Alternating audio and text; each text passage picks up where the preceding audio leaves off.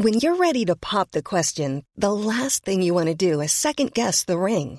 At Bluenile.com, you can design a one of a kind ring with the ease and convenience of shopping online. Choose your diamond and setting. When you find the one, you'll get it delivered right to your door. Go to Bluenile.com and use promo code LISTEN to get $50 off your purchase of $500 or more. That's code LISTEN at Bluenile.com for $50 off your purchase.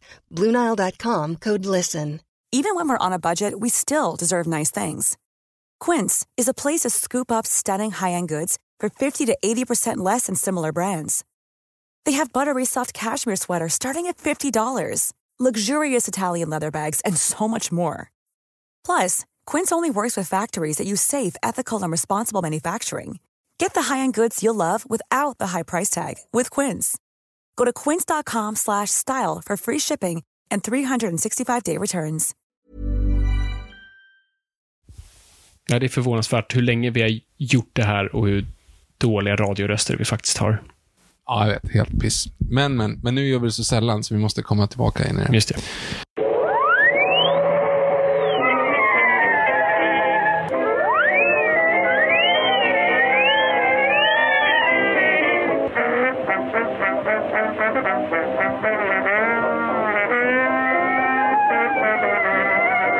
Då börjar jag i stort sett bara. Då. Hej och välkomna till Nörden jag, jag som är nörden, Fabian Glander. Och det är jag som är Viktor Engberg. Det här är podcasten i samarbete med Acast, där vi pratar nördämnen, nördkultur, saxbildande syfte att försöka bilda Viktor saker han tycker om, men inte vet så mycket om. Och idag ska vi jaga den vita kaninen. Mm. Eller ska vi? Nej, det är inte en filosofisk fråga som ställs i The Matrix, så stryk det. Jefferson Airplane, Ja. eh, låten som de spelar i trailern till eh, Resurrection. Mhm. Eh, jag är så här, såklart, jag har hört den förr, men den är ju väldigt, väldigt, väldigt passande till en trailer. Den är nästan för passande. Mm. Alltså, klassikern är ju när, när Mark Kermode pratar om att eh, det är fusk att döpa en karaktär till Scaramouche Fandango i Queen-musikalen, för att det, det, det passar in för bra. Det är liksom ingen match. Det är lite samma sak här. Mm. Det är taskigt att göra liksom en, alltså du kan inte göra en trailer som handlar om follow, alltså, follow the white rabbit och take pill, liksom. Alltså det, det, det är nästan, Mm. Ja, det- det, är för på näsan. Det- Det finns ju en term, det här kanske jag har pratat om, men det finns ju en term i tv-branschen som heter apelsin-tv. Ja, Pelle metar, precis. Ja, exakt. Vi har ju pratat om det. här. Pellemeter, precis. Du, Om du pratar om en apelsin så finns det en apelsin. Alltså det, det, det, antitesen till visuellt berättande i stort sett. Exakt. Eh, Och, och Pelle metar, för er som inte kommer ihåg det, är ju då när du har eh, en bild på en pojke som har en keps som det står Pelle på och han sitter och metar och så är bildtexten Pelle metar. Mm. precis. Och det är lite där White Rabbit kommer in i Matrix Resurrections. Eh, Och eh, nej, det är väldigt bra. Inte tänkt på det, men det var också så här, för jag kommer ihåg också när jag såg det, bara så här, det är nästan som så här, eh, det, precis, det är för bra för att vara sant, varför har ingen tänkt på det här tidigare? Man kanske bara aldrig skulle ha gjort det. Nej, det är eh, intressant grej, men det är inte därför. Men man skulle ha gjort det. Man skulle ha gjort det. Alltså, det är helt rätt. Den trailern gör ju rätt, ska jag bara säga. Jag tycker den gör rätt. Den gör rätt för första, första minuten gör den rätt.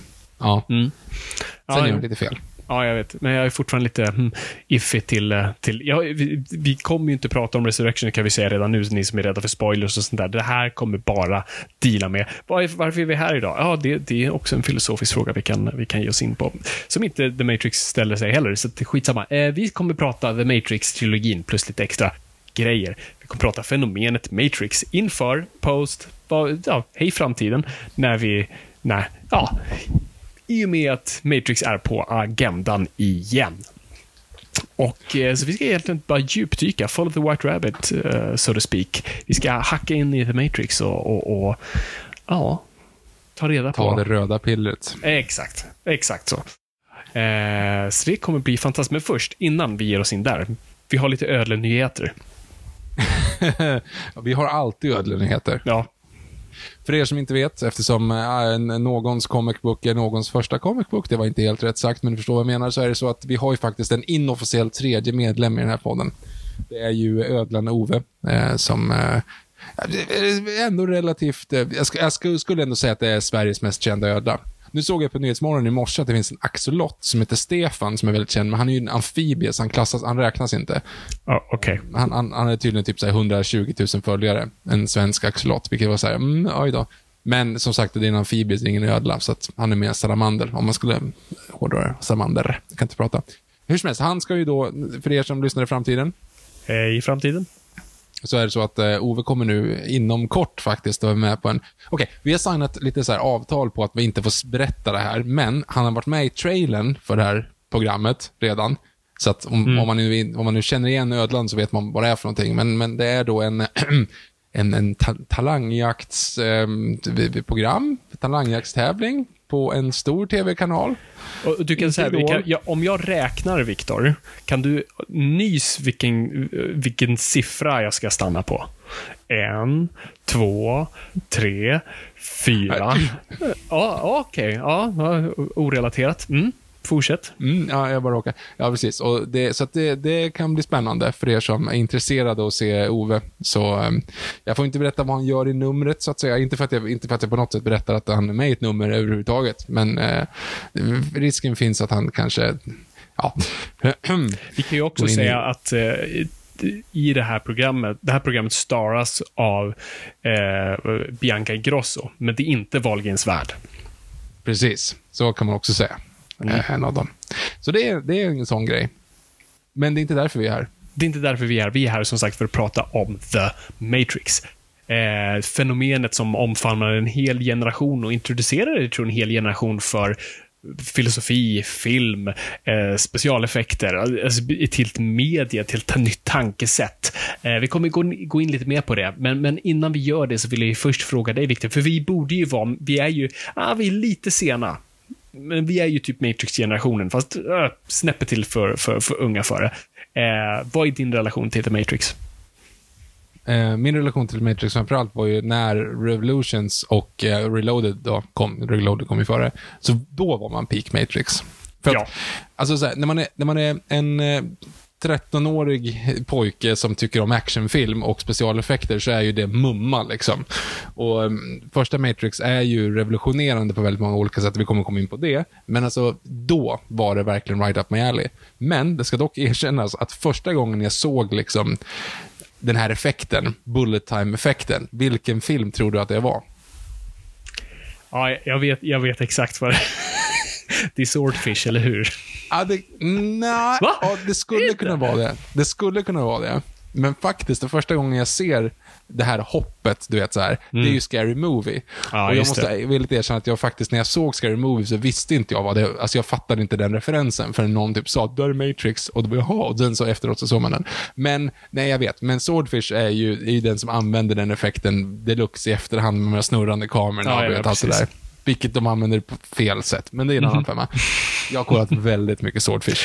eh, Jag i och med med. att- som ni vet, ungdomar, så var det så att på 90-talet, på den gamla goda tiden, då hade man ju x antal DVDer eller VHS liksom liggande hemma och då var det man tittade på. Man kunde inte välja så mycket annat och jag hade ju då Swordfish och Swordfish var en av de filmerna som gick väldigt ofta bara för att det fanns inte så mycket annat. Liksom. Jag hade kollat alla Tarantino redan. Så att det var mycket Swordfish. Ehm, jo, nej men Matrix, vart var jag? Jo, nej men när man såg Matrix så tyckte man att det var det häftigaste någonsin hade gjorts. Ehm, och jag vet att när man såg Revolutions så var det ändå, alltså när man såg den på bio så var det ändå, vi var så pass intresserade av det. Så att det var en stor, det var en hög, det var högtidligt att se, nu ska vi se hur det slutar. Innan man såg den, inte efter, men innan man såg den kom man säga, oh shit, det här kommer vara stort liksom. Så det var verkligen en big deal i, i min uppväxt liksom. Mm. Ja, intressant. Ja, det, det är lite liknande här. Alltså, vi är ju födda 90, så första filmen kommer 99, så då var vi på tok för ung. Eh, både för att sen se den på bio, men att sen se den sen. Och så här. För jag kommer ihåg första gången när jag såg bitar av The Matrix. Det här är verkligen sådär... mm, Jag, Fabian i Parallellt Universum, hade hatat den här Fabian. För att det är så här jag sett. Jag kommer ihåg, vi hade Kanal Plus hemma. Och, och jag vet att du också hade det Victor, så det var ju också en sån här grej. Alltså, så många filmer man har sett bitar av, eller okronologiskt. Bara de har dykt upp och man har sett olika delar här och var, som har pusslat ihop det efteråt. Och sånt där. Och det var lite The Matrix för mig. Jag har ett minne, alltså det här är ett sånt 90-talsminne på ett sätt. För att vi hade eh, i vårt hem då ett tv i köket. Och inte som man tänker nu, så här coola öppna planlösningshem där man kan stå i köket och hacka lite och se den stora storbilds-tvn där borta i vardagsrumsdelen. Nej, nej, utan det här var verkligen 90-talsversion. Alltså det hängde en pytteliten tv vars skärm, eh, inte många tum, precis ovanför liksom, diskhon och du kunde titta på tv. Alltså, alltså, det är verkligen den här, alltså, sitcom-familjen som du vet, sitter och tittar på tv medan man äter middag. Alltså det är inte bra. Eh, och jag kommer ihåg en fredag. Fredagar var väldigt speciella, för då fick jag och min syster bestämma vad vi, fick, vad vi ville äta. Eh, så våra föräldrar preparerade det och sen något de, det de ville. Liksom. Och jag kom, och tvn var alltid på. Eh, och då kommer jag ihåg Alltså, att vi sitter och gör något eller jag sitter och äter och, och det är då The Matrix och hur de klipper då från Matrix-världen till den riktiga världen och jag förstår inte kopplingen ens. Jag förstår inte vad som händer. För vi har Sentinels och det är alldeles blått och sen är vi i den riktiga världen med cool kung fu och allt sånt där och jag bara, jag, jag var väldigt fascinerad av så här, vad är kopplingen här och vad, hur funkar den här filmen ens? Men det ändå flög mig för huvudet och ja, ja, det fastnade inte mer än så. Och så var det inte förrän liksom året senare när man blir mer Alltså, bara introducerad i den riktiga världen. Brumtsch. Och eh, Matrix är del av det kollektiva medvetandet.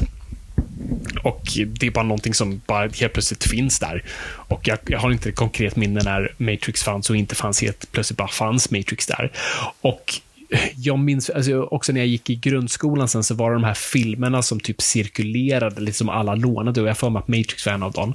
Och sen kom jag ihåg när vi fick en DVD-spelare att Matrix var en av de första DVD-erna jag köpte. Och det köpte jag på eh, sci-fi-mässan. En sån här, och då var det en sån här, du kommer ihåg de här, bland de första DVD-erna, som hade pappershöljet. Med lite, ja, men som man vek, ja, helt ja, värdelös liten sån här vikgrej längs Exakt, en plastgrej som mm. klickade av och då. Bara, liksom, och så kunde Swordfish du se. var också en sån. Just det, det var det. Och då var ju liksom, insidan var ju bara så här scene selection, kunde se vad alla scener hette och sånt där. Och då såg jag The Matrix och tyckte den var också hur jävla cool som helst. Och det var väl säkert i upprampen till då eh, Reloaded och sen Revolutions. Och Re eh, Reloaded kommer jag att jag hyrde. Den såg jag inte på bio, så såg jag med, med, med, med Molgen faktiskt. Och eh, minns redan då att jag var rätt besviken. Också för att all filosofi flög rakt över huvudet på mig. Alltså man gillar ju inte Matrix då mycket filosofin, utan du... Och det är det som är också styrkan med med Matrix, för du kan börja se den bara som en cool actionfilm och sen när du är typ är tonåring så greppar du kanske en promille av det och tycker att du är pseudo-filosof, eh, bara för att du fattar så lite av den och sen kan du, du kan verkligen växa med den filmen. Men, men, men uh, Reloaded bara flög rakt över huvudet. Det var för mycket prat och visst den hade några coola scener, men vi tyckte inte om den alls. Och sen såg jag, var det då med dig? Revolutions ja, på bio. Ja, jag såg den på bio i alla fall. Jag antar att den inte gick utan dig. Det hade varit väldigt olikt Nej, Victor, jag, jag, jag 13 tänker det år. också. Så att vi gick nog och såg den tillsammans och den minns jag då som jag tyckte bättre om. Men jag tror också det bara för att den hade mer actionsekvenser och den var så episk. Ja, man såg den på bio och det var en massa pang-pang liksom. Ja, så det... Ja, så det, det kan man säga. Så, så min relation till Matrix har ändå varit så här, det, det har varit en filmserie, i alla fall för, för, första film som jag verkligen har respekterat. Det, det, det har varit som sagt i vokabuläret som någonting självklart på ett sätt, som jag alltid återbesöker. Och, jag var, här, och väldigt länge var jag ute efter den här DVD-boxen som, som, som, jag, som jag har visat för våra poddare när, under starten av pandemin, när jag gick igenom DVD-samlingen. Det var den här, det var en av de här heliga gralarna jag var ute efter. Den DVD-boxen som hade alla filmer, eh, supermycket extra material och framförallt det var bara, boxen var bara, alltså The Matrix, det var bara um, sifferkoden, eller koden. Det var ingen liksom, titel på den eller någonting och det glänste och det var lite så 3D-aktigt. Jättefin. Och eh, den fick jag till slut mina händer på. Och har fortfarande än idag och, och är väldigt glad för. Um, så att det, det, det är inte liksom, jag vet att vissa har verkligen en religiös relation till Matrix. Jag har inte det. Men jag tycker jättemycket om den. Och eh, jag gillar universumet och vi kommer nog komma in på det nu när, när vi diskuterar filmerna. Men, eh, men låt oss först gå till starten. Jag kommer nu eh, göra så här att då titlar och namn är lite flygande och jag vet inte vad som är rätt och fel. Jag kommer benämna eh, upphovspersonerna till denna filmserie som The Wachowskis. Eller Wachowskis, vad vi nu. Allt är fel idag. Så det, det är så vi kommer prata. Så. Wachowskiskarna. Precis. Och, uh, vad, vad, säger uh, Wachowski? Nej, det blir ju uh, plural. Så octopus, octopi. Då blir det Wachowski. Ja, Wachowski. Okej. Okay. Glöm det. Uh, let's call the whole thing off. Hur som helst. Så, så vad, vad, vad, vad kommer det? Hur startar allt här? Jo, men det startar eh, med två syskon i Chicago som vill i stort sett skriva och eh, först ge sig in i serietidningar. skriver en del för Marvel, men sen vill då uppgradera, skriva film, lyckas sälja in ett manus i Hollywood eh, som heter The Assassins till Richard Donner faktiskt och Warner Brothers. Och man måste älska 90-talet. Alltså det, det, är verkligen slutet på den här härliga eran då det fanns pengar i Hollywood. Alltså mm. då man liksom kunde sälja ett manus och på det sälja två manus till. Alltså att du säljer ett paket i stort sett, utan att de har någon säkerhet. Det är ingen franchise, inga uppföljare, utan du säljer liksom ett paket och du får en deal. Och eh, studion är liksom en obligation att betala dig för det. För det här är ju också slutet på 90-talet, man förstå. Det är liksom vad 90-talet kan definieras som filmmässigt. Säkert massa saker, men eh, dålig klädstil främst. Men eh, det är ju independent... Spice Girls. Spice Girls. Eh, ja, den, det gjordes väl... Det var väl Spy... Vad hette den filmen? Spice World? Eh, ja, precis. Det var en Spice, Spice Girls The Movie där, eller vad den hette, någonting liknande. Eh, det, den, är, den såg jag. Du har ju inte syskon, så... Nej, jag vet. Det är därför jag, jag ångrade mig lite grann halvvägs in. Eller så här, varför såg jag den? Men det gjorde jag. inte för att det är fel att har sett Spice Girls, bara, bara för att jag känner dig, Viktor. Du, du, du har aldrig varit en Spice Girls-människa, så vitt jag vet. Det var mycket mer Boyzone faktiskt. Ja. ja. Mm -hmm. Ronan Keating. yeah. Hur som helst. Nej, men 90-talet är ju independent-eran. Alltså, eh, Harvey Weinstein-eran, tyvärr. alltså, det är ju det här som ju kickar igång med, med Kevin Smith och Tarantino och Rodriguez, eh, Linklater. Alltså, ah, den här nya vågen av unga filmskapare som kan komma från ingenstans eh, sälja in en jättebillig independent-film och sen, och, som, och framförallt independent-filmer som sen drar in en jävla massa cash. Så att det, det finns en, liksom en aura i, i Hollywood av att så här, ung talang som inte känner till sitter på någonting. Det är någonting kidsen vet som inte vi vet. Det är nästan en reflektion av, liksom, det är nästan en 30-årig cykel. Hoppas vi är där snart igen. Där, ja, det är vi ju. Där, mm, ja, men, eh, eh, och då bara så för, för, att kunna fortsätta prata kring det där. Det, nu snackar vi Clerks, vi snackar Reservoir Dogs. Vem är, vilken gjorde Linklater som, som stack ut? Eh, eh, slackers. Okej. Okay. Mm. Ja, och swing, Swingers också är väl en sån? Swingers eh, är absolut en sån, ja. helt klart. Uh, är Rodriguez som gör The Matador. Uh, eller nej, nej, är det The Matador? Jo. Nej, det, det är El, El Mariachi. Once upon, Mariachi, ja mm. precis. Once upon a time in, uh, in Mexico. Men det är ju tvåan då, va? Det är, det är scenen, ja, precis.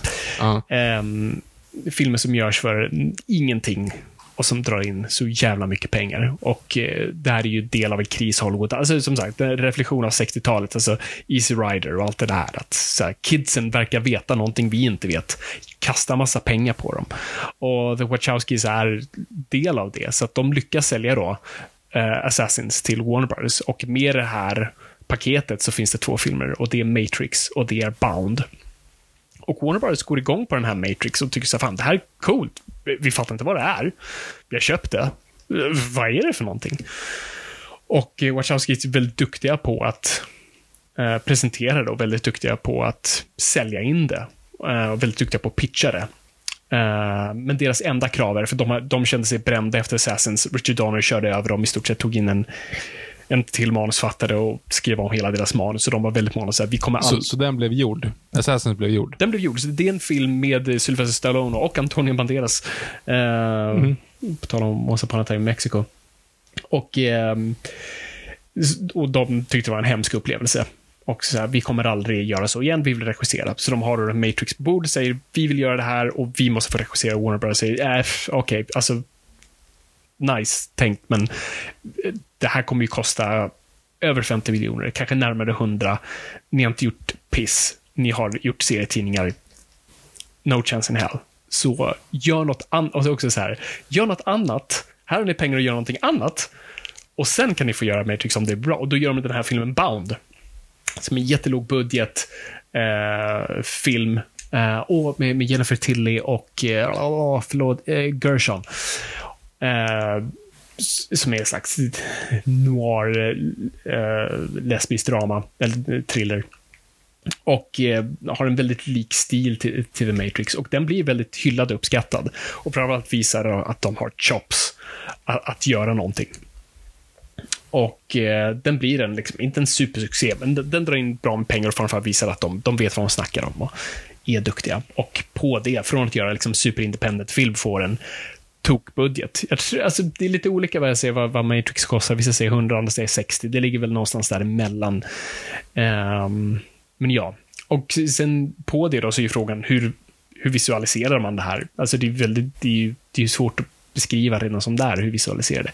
Och då tar Wachowski in då en serietidningsillustratör som de hade jobbat med tidigare, jag tror på Marvel, som får då illustrera storyboardsen. Så det är, en, alltså, det är en väldigt grafisk och väldigt detaljerad storyboard, vilket storyboards väldigt sällan är.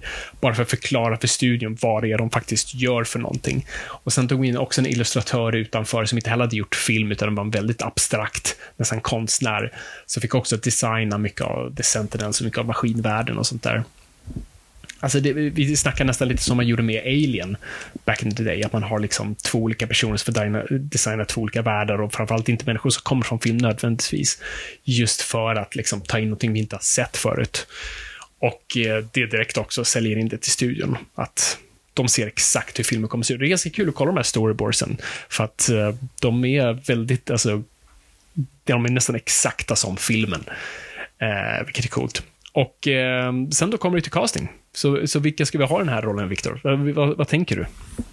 Ja, men ja, man vet ju att Will Smith tackade nej. Yes. Det är ju en sån här klassiker. är... Han säger ju alltid så här, den här som alltid toppar listan över så här, the one that got away-rollen. Mm. Liksom. Det är ju den och så är det Sean, Sean Connery som Gandalf, är ju också en sån. Ja, just det. Precis. Där blev, gick det ju bra ändå. Eller det gjorde ju Matrix också. Uh, det hade varit intressant att leva ett universum där, där Will Smith, jag tror det hade funkat rätt bra. Men samtidigt är en människa med för mycket karisma för en sån roll. Jag tror det här blanka väldigt tomma som Ken Reeves kom med, ja. kom med ja, uh, faktiskt funkar för den här. Men vet du vem som skulle ha spelat Morpheus? Nej. Val Kilmer. Ja, jo men det har, jo men det, just det, fan, det har också när du säger det. Och det hade ju inte riktigt varit, det är mer, liksom, det är inte riktigt samma grej. han utstrålar där... inte den här, han utstrålar inte det här lugnet, den här som personen som har koll på läget. Så. Nej, men han, han, har ändå rösten. Och liksom, kollar man ändå på Val Kilmer, alltså den bra Val Kilmer, alltså Kiss Kiss Bang Bang. Kiss Kiss Bang Bang, ja. Uh, så hade det fan, typ, det hade kunnat funka men det, det, gick bra ändå. Eh, och jag tror Ken Reeves som var nog en stu, studio note. Alltså Ken Reeves var vid det här laget mer en actionkille. Det är point break, det är... Eh, speed. Speed, jag tänkte drive. Tack. Um, så han är mer en uh, studio pick. Liksom att säga, okej, okay, men ska ni få göra er abstrakta film om uh, filosofi och eh, simulationsteori. Ge oss det här.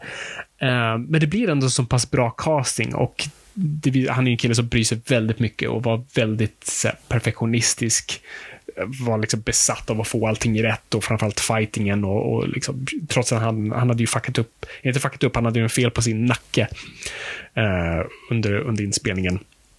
Eller innan inspelningen och var tvungen att operera, så han kunde liksom inte han tränade med en sån här mm, Grannen i bäck-grej liksom. Ja, nej precis. Och eh, hade pissont, men ändå var så besatt av att få det rätt. Så det, det blev ju liksom skitbra casting ändå. Eh, och vad man också måste göra med den här filmen är att så här, hur visualiserar vi det faktiskt rent praktiskt? För det är så mycket innovativa saker som ska göras som Wachowskis är väldigt måna på. Att vi måste ha det här. Det är inte bara att någon kom på något coolt eller det var ett förslag, utan de de har stenkoll på läget. Varenda bild är som ingjuter i deras huvud, de kan förklara varför. Och mycket saker måste alltså kommas på på nytt. Alltså uppfinnas i, i stunden. Och där kan vi komma in på då Bullet Time, kanske specifikt. Och jag tror många filmfans där ute vet hur det här blev gjort, så jag ska inte dra allt för dem, Men för er som inte vet det. Det var ju, eh, de funderade ju på massa olika grejer. En av dem var så här, men vad händer om vi sätter en kamera på en raket? på ett spår, bara tjoff, runt. Uh, men de räknar ut att nummer ett, jättefarligt. Nummer två, typ kameran och filmen kommer bara slitas i stycken av G-krafterna. Det, det kommer inte gå. Och de hade gått fram och tillbaka. De hade pratat med ILM och Digital Domain och alla dessa de här stora effektsbolagen som fanns då och ingen kunde komma med bra svar. Så de valde sen ett ganska litet bolag vid det här laget som jag nu glömt bort namnet på. Eh, men som just bara så här, men eh, film är ju stillbilder. Principen av film är mm, stillbilder ihopsatta och rullas det ihop så ger det illusioner av rörelse. Så det man gjorde var att man satte stillbildskameror på ett spår. Där du då, hur du då ville sätta upp hur själva kameraåkningen skulle gå, satte du en massa stillbildskameror. Och de bara shottade sina bilder. Sen kunde du sätta ihop dem i post. Och där får du bullet time, vilket är väldigt bara, det är så simpelt och så briljant mm. samtidigt. Mm. Och det är sådana här grejer. Det kommer jag ihåg, för också varför jag kan mycket av det här, och den dokumentären finns också på, på den DVD-boxen jag har, men jag minns när vi, att någon kväll på ditt landställe så gick den. Kommer du ihåg där? Såg eh, Alltså jag har ju sett behind the scenes någon gång på. Matrix, mm. men jag kommer inte ihåg varför eller när, så det, det stämmer säkert. Mm. Också så här, du vet, när man såg de här dokumentärerna som jag pratat om när man var liten, alltså om ILM eller om Star Wars och Jurassic Park, och man bara så här, filmmagin. Och det här var en av de filmerna också som jag så såg hur det blev gjort och man bara älskar sådana där grejer. Inte bara så här, ja, vi tryckte på kontroll allt delete och det funkade, utan faktiskt tvungen att tänka ut det här. Um, och det, är, det, är liksom, det blir en film, vi ska komma in på den och pr prata om den, men det är en film som på något vis bara är perfekt i sin tid. Eh, både i form av liksom, talangen som existerar då, eh, men också hur den hackar in, pun intended, i det kollektiva medvetandet och är så perfekt för sin tid. Alltså den här kontrakultur, ifrågasätta verkligheten-grejen som fanns då, slutet på 90-talet, början på 2000-talet. Alltså du har Fight Club där också. Vilka mer har du? Alltså Devils American Psycho gör en hyfsat liknande grej rent idémässigt. Uh, gud, det är en helt jävla drös av filmer som kommer vid den här tiden som just det, ifrågasätter sin verklighet. Och Matrix är väl liksom på toppen av den pyramiden, kanske mer Fight Club då, och ifrågasätter det gamla. Eh, att den inte bara liksom den drar ju till ett meta mm, perspektiv nästan. Men pratar egentligen om samma sak som Fight Club gör, att vi befinner oss i en värld som inte var konstruerad av oss, ens för oss, men vi är fångade i den. Uh, och vi måste bryta oss ut. För det här kommer att gå åt helvete. Och det såg man ju inte då, när man såg den första gången såklart. Nej, nej. Eh, kommer du ihåg att vi gick på, eller ja, det är klart du kommer ihåg det, men för lyssnarna så en snabb recap. Vi gick på filmkunskap, ish. Eller mm. så här, vi gick på en ABF-kurs. Eh, I en källare någonstans. I, i, ja, i en källare någonstans. Bra beskrivet. Eh, där man skulle lära sig om film. Och då i alla fall så vet jag att vår lärare sa så här, när man skulle prata om, om plottpunkter och liksom allt så här, det var kolla Matrix. Alltså det, Matrix är perfekt liksom. Um, och då så tänkte jag på det nu när jag såg om den. Uh, därför har jag lite anteckningar här i telefonen samtidigt. Efter hur lång tid tror du att de, alltså om du hittar liksom plottpunkterna, snabb, får man en snabb, snabb recap på vad plottpunkter är för den som inte har läst filmkunskap? Yes, nej men eh, verkligen. Matrix är ju verkligen där. Eh, nej men, eh, I klassiskt drama så pratar vi om en treaktstruktur. Plottpunkterna brukar vara det som kopplar ihop akterna. Sen kan du, det finns fler plottpunkter, men vi brukar prata om två plottpunkter främst. Plottpunkt 1 och plottpunkt 2. Och det plottpunkt Eh, 1 är det som länkar ihop akt 1 och 2, där det då sker en förändring, där vi har etablerat världen i akt 1. Och sen i akt 2 så måste vi då liksom, då, då, då vi, nu måste vi använda oss av världen och nu har vi introducerat till ett nytt perspektiv och vår hjälte måste liksom resa in i den här världen. Och sen eh, plottpunkt två, ja, men det är liksom upplösningen, liksom när vi kliver över till, okej, okay, vad är det vi nu faktiskt ska kämpa för? Um, ja, Kort gott sammanfattat. Ja, och vad tror du händer då efter exakt 29 minuter. Ja, det är det som är så sjukt och det är som också är lite roligt i den digitala åldern. För jag kommer ihåg, för jag har tajmat här en gång, för när jag, när jag pluggade Madus och var besatt av sådana här grejer. Då var ju Matrix så perfekt. Alltså på mellan där 29-30 någonstans. Liksom, boom, så, så det är då han tar the red pill. Eh, Exakt. Och, eh, och jag tror, är det att han räddar Morpheus eller det att... De, de drar iväg för att rädda honom vid 1.32. Ja, precis. Det är när man säger, i en två, i en två timmars film ska, för, kommer först efter 30 minuter och andra kommer efter 1.30 typ. Det är helt alltså, så, sinnessjukt. Och det är ganska kul nu i en, i en streamingålder, för jag kollade om dem nu på HBO Max. Och då stämmer inte det. Men det är det som är ganska kul med streaming och DVD och allt sånt där. Jag vet inte vart du såg det någonstans, men det... Var såg du det någonstans förresten?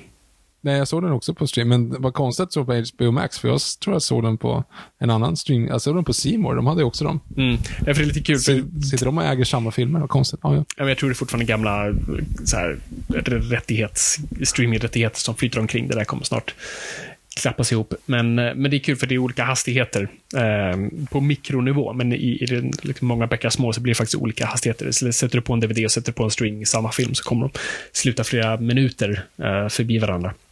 Men så nu stämde det inte när jag kollade på HBO Max, vilket var lite roligt, eh, till skillnad från när jag kollade på DVD en gång i tiden. Ja, men den är ju inte 100% den är 29 minuter och ja, nej, 32. precis, men Den det- är ju inte, det är inte 30 och Nej, nej, nej. eh, 1,30. Absolut. Men det var typ way off nu. Skitsamma. Men det, det, är, ju, det är ju kanske där man ska... Alltså, det är det som är så briljant med The Matrix på ett sätt. Det är många saker som är så briljant med den. Men, men vad Wachowski gör så smart är att förankra den. Uh, nummer ett är Joseph Campbells hjältemyt, men, men också en så här, som klassisk treakts Hollywood-struktur. Så de kastar en massa filosofi, massa abstrakta grejer, man, liksom introducerar oss till en helt ny värld, eh, komplexa karaktärer och allt det där. Men, men, men det som liksom förankrar oss i det är en struktur vi känner oss hyfsat familjära med. Eh, vilket spelar in också i temat, vilket sen också motsägs i, i, i kommande filmer, men det är väl del av poängen antar jag. Um, och det är... uh, det, det, det är så jävla bra. Och, och, och, och det har vi säkert sagt förut, men är du en aspirerande manusfattare så en av filmer du ska kolla på är The Matrix. Den, den hugger nog ner det enklast för dig. Jag kan säga gå och se Chinatown. Den, den är kanske mer, ännu mer strukturerad så här, men den gör det mer osynligt. Här är det väldigt synligt. Eh, det är skitbra. Vad, vad var din upplevelse att se om The Matrix nu? Det var jättehärligt. Alltså jag har inte sett den på ganska länge nu. Man kommer ju ihåg liksom bits and pieces jätte, jättestarkt. I och med att alla filmer du såg när du var mellan, ja men, 11 och 15 sitter ju så inåt helvete skarpt. Det här var alltså en riktigt bra omtitt. Jag satt och bara log genom hela filmen.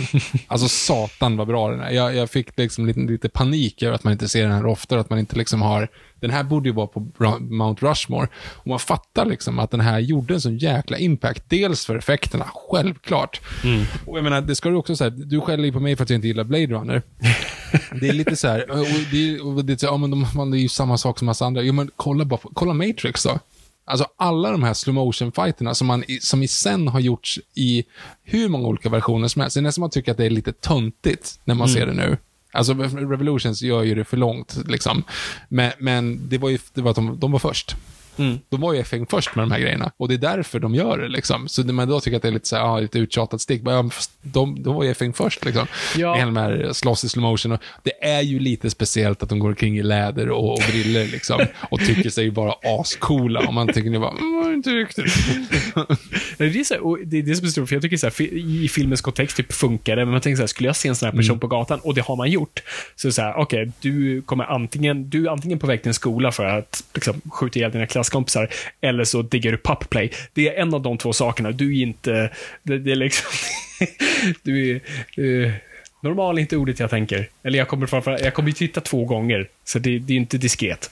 Men ja. Men, men det är väl det som, de förklarar väl också så att i Matrix, när du kommer till, alltså när du liksom, då blir du den bästa versionen av dig själv, eller något sånt där. Hur du ser dig själv, hur är det de beskriver det? Ja, det är ju såhär, the digital self. Alltså precis, du är en proj- projektion av dig själv. Så att du är ju precis. Och därför är det så här, att Morpheus då kommer i de här brillorna och liksom lila krokodilrock liksom.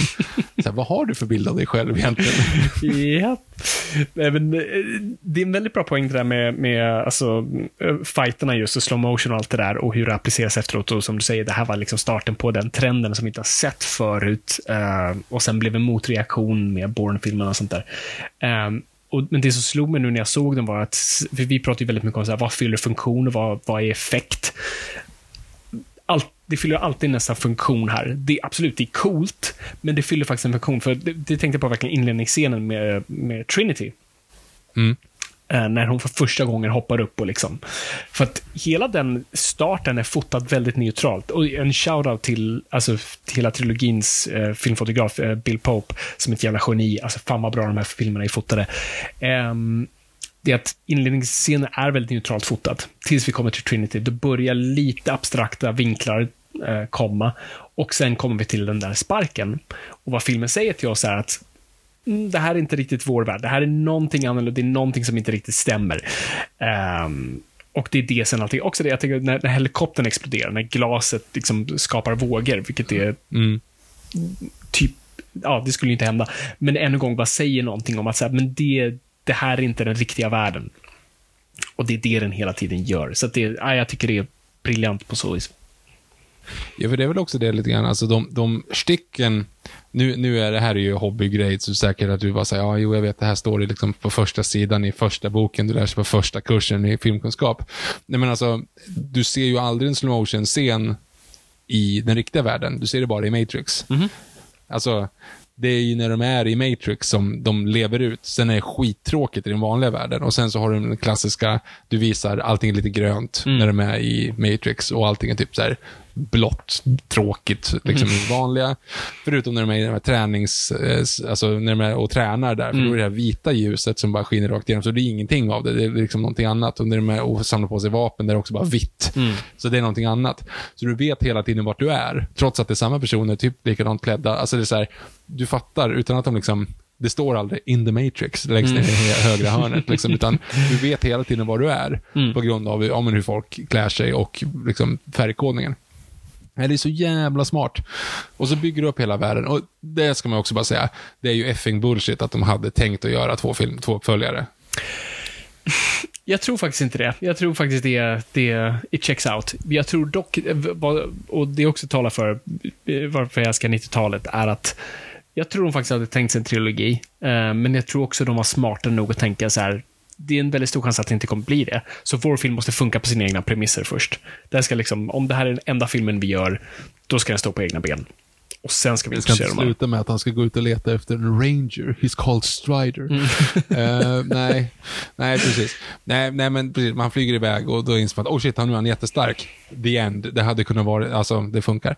Nej, men alltså så här, jag, jag vet inte riktigt. Jag tycker bara att den här var helt perfekt. Jag satt bara nu så här, shit, jag måste ändra upp det här på letterbox till typ, det här är en femma. Jag kan inte komma på.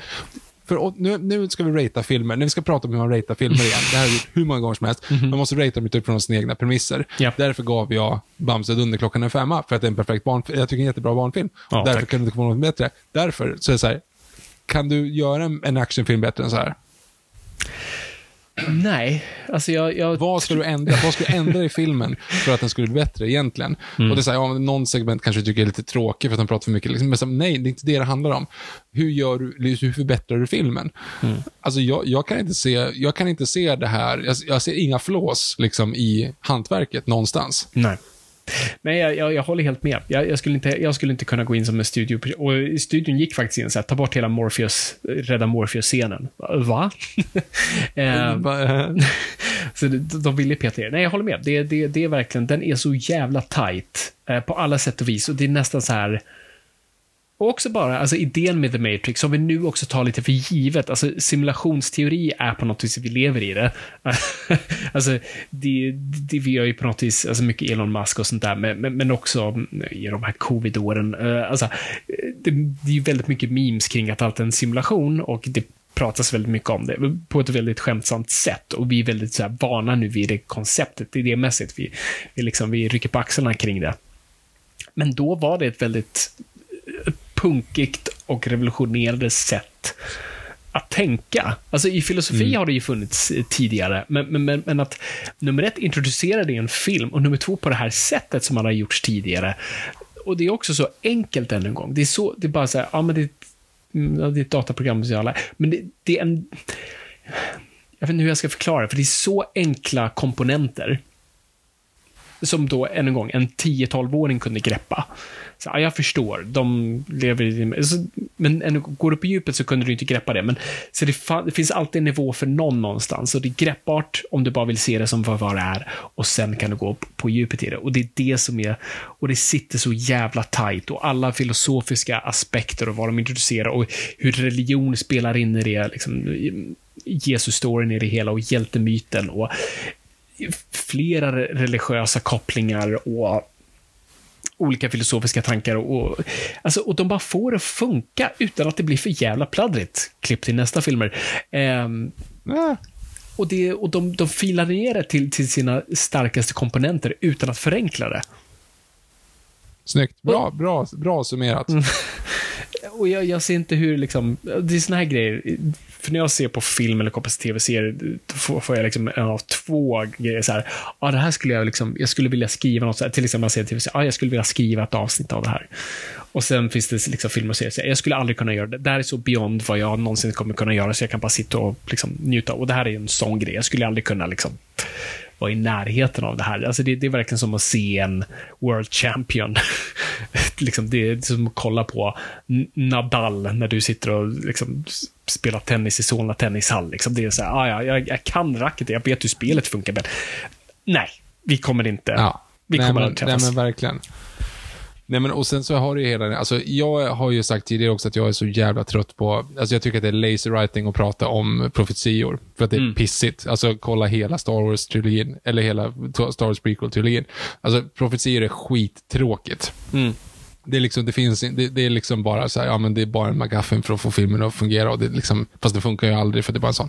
Men i det här läget så är det ju, det är ju liksom inte, det är ju inte profetian egentligen, utan det Neo gör, alltså det är ju att han, han är ju han är ju the one, men däremot så får han ju reda på att han inte är det och han måste ju välja då. Alltså det är hela liksom, konflikten mellan profetian, för profetian stäm, stämmer ju typ inte riktigt. Utan det som är, är ju att oraklet säger åt honom att han inte är det, det, vad, vad, hur översätter, vad, vad stod det i texten? Kollar du svensk text? Eh, nej, jag tror jag körde Han stod det på Seymour, vilket var så här, det var jättedumt. The one översatts till han. Jaha, Men så, oj. eh, Jag bara såhär, va? ja. Nej, Nej, men alltså han, att han är the one då, så får ni reda på då, så här, ja men du är inte det. Och du kommer att behöva ställas till ett möte, alltså du kommer att behöva ställa dig inför ett val där antingen du eller Morpheus dör. Och han offrar ju sig själv. Det, alltså det som plotpunkt två är, alltså när han går in och räddar Morpheus, han går inte in och räddar Morpheus, han går in och dödar sig själv egentligen. Det är det som är poängen. Ja. Alltså han, han vet ju nu att Jesus. han har fått reda på att, ja men precis, han går in och offrar sig för mänskligheten. Och för att Morpheus är hoppet för mänskligheten i hans värld. Mm. Liksom. Och det, det är ju där jag tycker att den egentligen är snyggare. Än när det inte liksom så här, för det, hade du kunnat sagt så ja, men han är, den, han är den som kommer rädda alltihop. Du det visste du från början, ja, ja, fast det är inte det som är poängen, utan han går in och faktiskt offrar sig själv. Han gör en I am Batman, eller försöker skjuta sig själv Mm. som Timothy Dalton. Alltså, jag tycker att den är väldigt, eh, det är en väldigt snygg Ja. eh, grej. För det, för det är två komponenter där. För det, det, det de introducerar också är en eh, The One som tvekar på sig själv. Så vi också börjar tveka med oss. Men det här kanske inte, den här profet- profetian kanske inte stämmer. Och sen en till komponent är det som vi också pratar om när du kollar en James Bond-film. Att ah, jag vet att James Bond kommer leva i slutet. Ehm,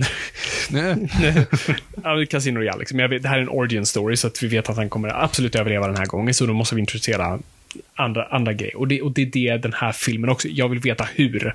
Jag vill inte veta vad. Jag vill hur i frågan. Liksom. Hur i så fall kommer den här profetian gå i uppfyllelse och vad, liksom, hur kommer vi dit i så fall? Och när du introducerar eh, tvivel i det hela, då har du en perfekt mix. Det är egentligen det jag skulle fylla ner. Alltså den här filmen är liksom så här, korrekt komponenter i perf... Alltså du vet, när någonting slår, det är som The Beatles, liksom rätt personer på rätt plats i rätt tillfälle, en perfekt mix, perfekt harmoni, och då får du det här. Och det är det Matrix var. Ehm, Och så finns det en Ringo också, men liksom det funkar. ja, ja, precis. Det, det, Det får duga. det, det, precis det. Det är okej. Okej, en grej som jag kanske inte är helt övertygad om, det är ju Trinitys grej att jag ser aldrig någon tendens till kärlek på, på skärmen överhuvudtaget. Förrän hon då fått reda på att, för, hon, för oraklet säger väl till henne att, att hon ska bli kär. Den som hon är kär i är the one. Mm. Och det kommer från helt blå himmel, så att säga, eller klar himmel. Alltså Exakt. den vändningen där. Vilket är så här, ja, okej, den kanske inte, du hade inte visat så mycket, men det kanske man inte gör, eller hon kanske gick omkring och bara skrev lappar istället och inte vågade berätta. Ja, alltså en, intressant aspekt, och nu ska jag inte skriva om någonting jag tycker är perfekt, men liksom en, en, intressant aspekt i det hade det varit att hon hade fått höra det och vi hade fått reda på det ganska tidigt och hon till en början inte gillar Neo. Mm, ja, jo, ja, Eh, exakt. och, och, men sen liksom hamnade det ändå på grund av kemi och att de börjar gilla varandra. Liksom att det hade funnits den dynamiken av att någon som försöker sträva emot det någon har sagt en själv, för man tänker att man är ehm, Master of your own destiny, men det är väl det sen resterande filmer handlar om. Så den här filmen handlar väldigt mycket om eh, liksom vägen du går. Eh, och Fan vilken Jesus-grej. Men eh, nej, så det, det där kan jag tendera att eh, hålla med. Och där tror jag också är en sån här one for them, one for us. Jag tror än en gång, hej grabbar, ni gör en eh, actionfylld men väldigt filosofisk film som tar väldigt abstrakta ämnen. Ha en kärleksstory i mitten, snälla. Ja, okej. Annars är det bara snubbar i läder som, som koreograferat dansar ihop. Liksom. Det, det går inte. Exakt. Och, och, och på tal om just koreografi sånt där, och det ska vi också ta upp som är väldigt värt, det är att, alltså, också någonting som vi är väldigt vana vid idag, och, och som inte var då, att skådespelarna fick lära sig kung fu och verkligen slåss. De höll på i fyra månader och träna. Och det, ja, men det gör väl varje skådis nu för det. Jo, det, delvis gör de det. De lär sig stunt träning och sånt där. Men att faktiskt lära sig en martial art Eh, och utföra den hyfsat korrekt. Jag är ingen expert, jag kan inte se och säga att det där är korrekt, men de hade ju riktigt så här, en Hong- Hongkong crew eh, som gjorde Hongkong actionrullar eh, och som inte kunde ett ord eh, engelska och var tvungna liksom att översätta det på plats hela tiden. Och eh, de var verkligen tvungna att lära sig från grunden. Eh, och det som är så coolt att se, för det var ju också, alltså, under hela deras träning så Mm, man tränar ju med att inte köra med kontakt, att du inte träffar varandra. Och sen när det kom till kritan, då skulle de ju fucking träffa varandra. Och man ser det och de gör det. Och man vet då, liksom, baserat på extra hur jävla ont det gjorde och hur mycket de skadade sig i och med det. Och du ser liksom när Smith och Neo slåss, eller när Morpheus och Neo slåss i, i, eh, i den här simulationen. Bara, det träffar. och du ser det. Ja, de, ja, det är på riktigt. Alltså, eller, det här är ju inte såklart, men jag menar, det, det syns att det, det de kör. Mm. Ja, men det, det är jävligt snyggt. Det är väldigt, en väldigt bra film på många nivåer. Den funkar på väldigt många nivåer. Den, fun, den funkar liksom för alla. Det finns något för alla. Jag, jag är liksom riktigt impad. Jag var glad efter att jag hade sett om den. Mm. Ja, det, det, Det är så jag summerar. det här är någon sån här film man ser fram emot att introducera sina framtida barn till. Liksom. Att så här, det här kommer bli kul att titta med någon som inte känner till det här konceptet, som inte har det i sitt vokabulär. Mm. Ja, nej, det, jag har ju redan börjat lite grann faktiskt. Jag har ju fått honom väldigt inne på, min två och ett halvt åring här nu är ju väldigt mycket Toy Story nu. Ja. Vilket pappa är väldigt eh, nöjd över. Ehm, man får ju styra väldigt mycket själv vad han ska kolla på. Han gillar Göta kanal också. Det är väl kanske inte så lyckat. Men, men eh, vi, eh, vi styr väldigt mycket vad han, vad han tittar på så för att han ska styras in på rätt. Hålla sig undan babblarna. Här Ehm, måste jag ju flika in också att eh, jag har ju, på tal om introducera, så jag har ju nu introducerat din son till eh, Batman för första gången. Så att eh, jag gav honom nu här senast eh, en väldigt korrekt, fin modell av eh, Batman 89, alltså Michael Keaton, Batmobilen. Eh, Som han sover med just nu. Och ja, det, hans favoritklipp som han alltid vill kolla på på YouTube, liksom så här, eller han säger att han vill titta, då vill han kolla Batman. Och då, vill han, då finns det en compilation på YouTube när man klipper ihop alla Batmobile-scener från Batman 89.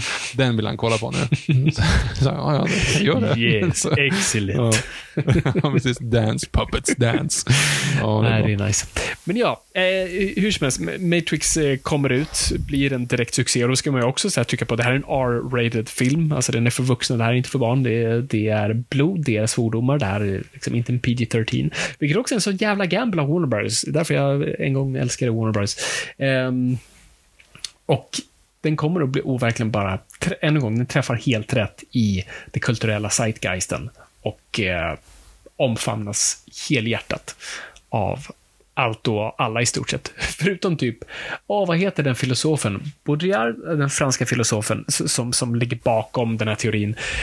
Um, uh, Descartes hette väl han som um, dog i- på Stockholms slott där på 1600-talet när Kristina skulle få honom att och eh, prata filosofi mitt i nätterna under, under vintern på 1600-talet. Väldigt, väldigt kall vinter. Det var ju lilla istiden då. Men det, var det honom du tänkte Nej, på? inte han, nej. Utan han var fransk filosof. eh, dog 2007. Det var han som, han, det är inte han som kom på simulation, men han som pratade väldigt mycket om simulation. Han var väldigt arg på The Matrix, han tyckte de tog, fick det fel. Och, och det är roligt, så de tog väldigt mycket från honom och läste väldigt mycket. Och hans idé var i stort sett, och jag är ingen filosof så jag kan in, inte introducera de här idéerna eh, bra. Eh, men det är i stort sett att vi lever in i simulation vare sig vi vill eller inte, för till slut kommer vi ha kopior av kopior och därav lever vi i en simulation av vad som faktiskt är. Alltså, Las Vegas är en simulation, eftersom där har du Eiffeltornet, du har pyramiderna, du har, har liksom alla de här grejerna eh, som finns i den riktiga världen, men så finns det ett parallellt universum med, och när vi till slut gör kopior, kop kopior, då är vi i en simulation och vad är definitionen av verklighet? Um, han var väldigt arg på The Matrix, vet jag. men, eh, ja, men och det var också en sån där grej som man var när man, när man var liten, eller man säger när man såg den första gången, då tänkte man så här, vad, det här är ju, så här är det ju inte. Mm. När de gör den här filmen så tror de att det är den här, att det är så här på riktigt. Men, nej, det gör de inte. Det, mm. det, är liksom inte, det är bara en, en kul, det är en sci-fi film, så har de tagit en teori liksom. Du behöver inte vara arg på Matrix för att du inte tror att det stämmer. Liksom. Det är en jättekonstig jag, grej. Jag, jag, tror det var så att jag tror han just kände att de tog mina idéer och de, they fucked it up. Aha, okej. Okay. jag, jag vet inte exakt vad han syftade på, men det, det, det är vad jag har hört. Men, men ja, alltså, och, och det, den här är en jättesuccé än en gång och eh, än en gång, uh, The Wachowskis har en uh, plan påstås det då att det skulle vara en trilogi och det sa de från början att vi vill ha en trilogi och Warner Bros sa ah, okej, okay, chilla, vi, vi, vi börjar med en och ser hur det går. Än en gång, det är en högst filosofisk film, R-rated, um, som pratar om en idé som inte riktigt folk vet om, så chilla. Och uh, det är inte långt efter de bara direkt börjar jobba på då tvåan och trean, eh, Reloader och Revolutions, och de spelas in då back-to-back uh, eh, under, liksom, under, alltså Sagan om ringen-style. Man spelar in allt samtidigt. Dels för att hålla nere kostnader, men också manusen är klara, det är bara, det är bara tuta och köra. Och det är också, det, de tänker att det är ett säkert kort också, Matrix, vid det här laget. Det är ett kulturellt fenomen.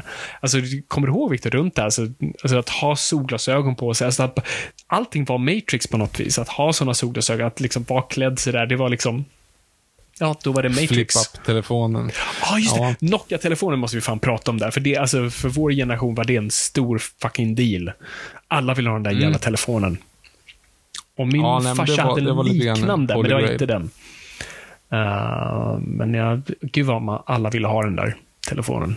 Vi var ju alltså på, du var, gick ju inte i vår klass då, men i nian så skulle vi ta ett spexkort.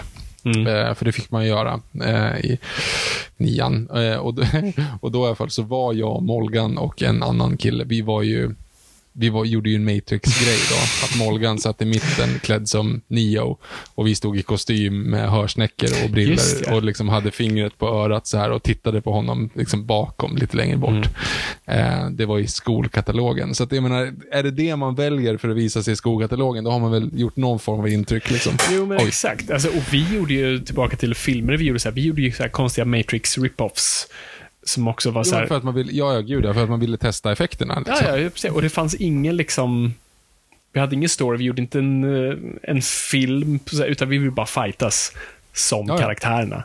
Och det var inte särskilt mm. bra, så jag förstår inte, jag förstår inte vad poängen var där någonstans. Nej, nej men, det, det, men så är det ju alltid när man är i den åldern. Så här, jag ser någonting på tv och vill göra likadant. Mm. Och man är i den här övergångsperioden när man inte leker längre, så då, om vi filmar det, då är det inte lek. oh, oh, too close to home. Oh, too, ja. close, too close to home. Oh. ja, nej men så... Um, ja, så, och nu har vi jättemycket budget och jättemycket pengar och de här, de här två filmerna kan liksom bara köra på, flyta på och uh, ja, det är inte så mycket att säga om dem. Det är egentligen de gör precis det de gjorde innan, fast mer och större och dyrare. Och med det samma team, samma människor egentligen bakom, vilket är väldigt fint. Uh, och vi har Revolutions. Och de kommer inom loppet av bara mindre än ett år, så båda kommer 2003. va? Mm. Så den ena släpps typ på, i maj och den andra släpps i typ oktober. Ett sånt där tror jag det var. Ja, någonting sånt. Jag så här, innan vi går till dem, går vi till reklam. Oh. There's never been a faster or easier way to start your weight loss journey than with PlushCare.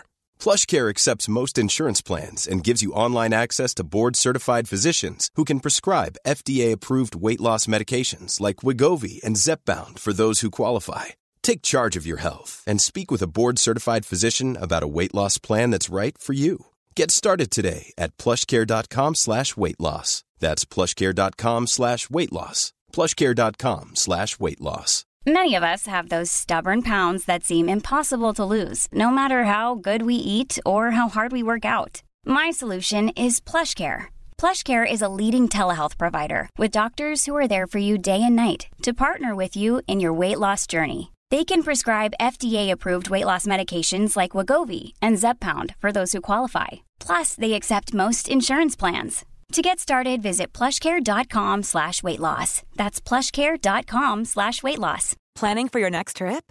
Elevate your travel style with Quince. Quince has all the jet setting essentials you'll want for your next getaway, like European linen, premium luggage options, buttery soft Italian leather bags, and so much more. And is all priced at 50 to 80% less than similar brands. Plus, Quince only works with factories that use safe and ethical manufacturing practices. Pack your bags with high-quality essentials you'll be wearing for vacations to come with Quince. Go to quince.com slash pack for free shipping and 365-day returns.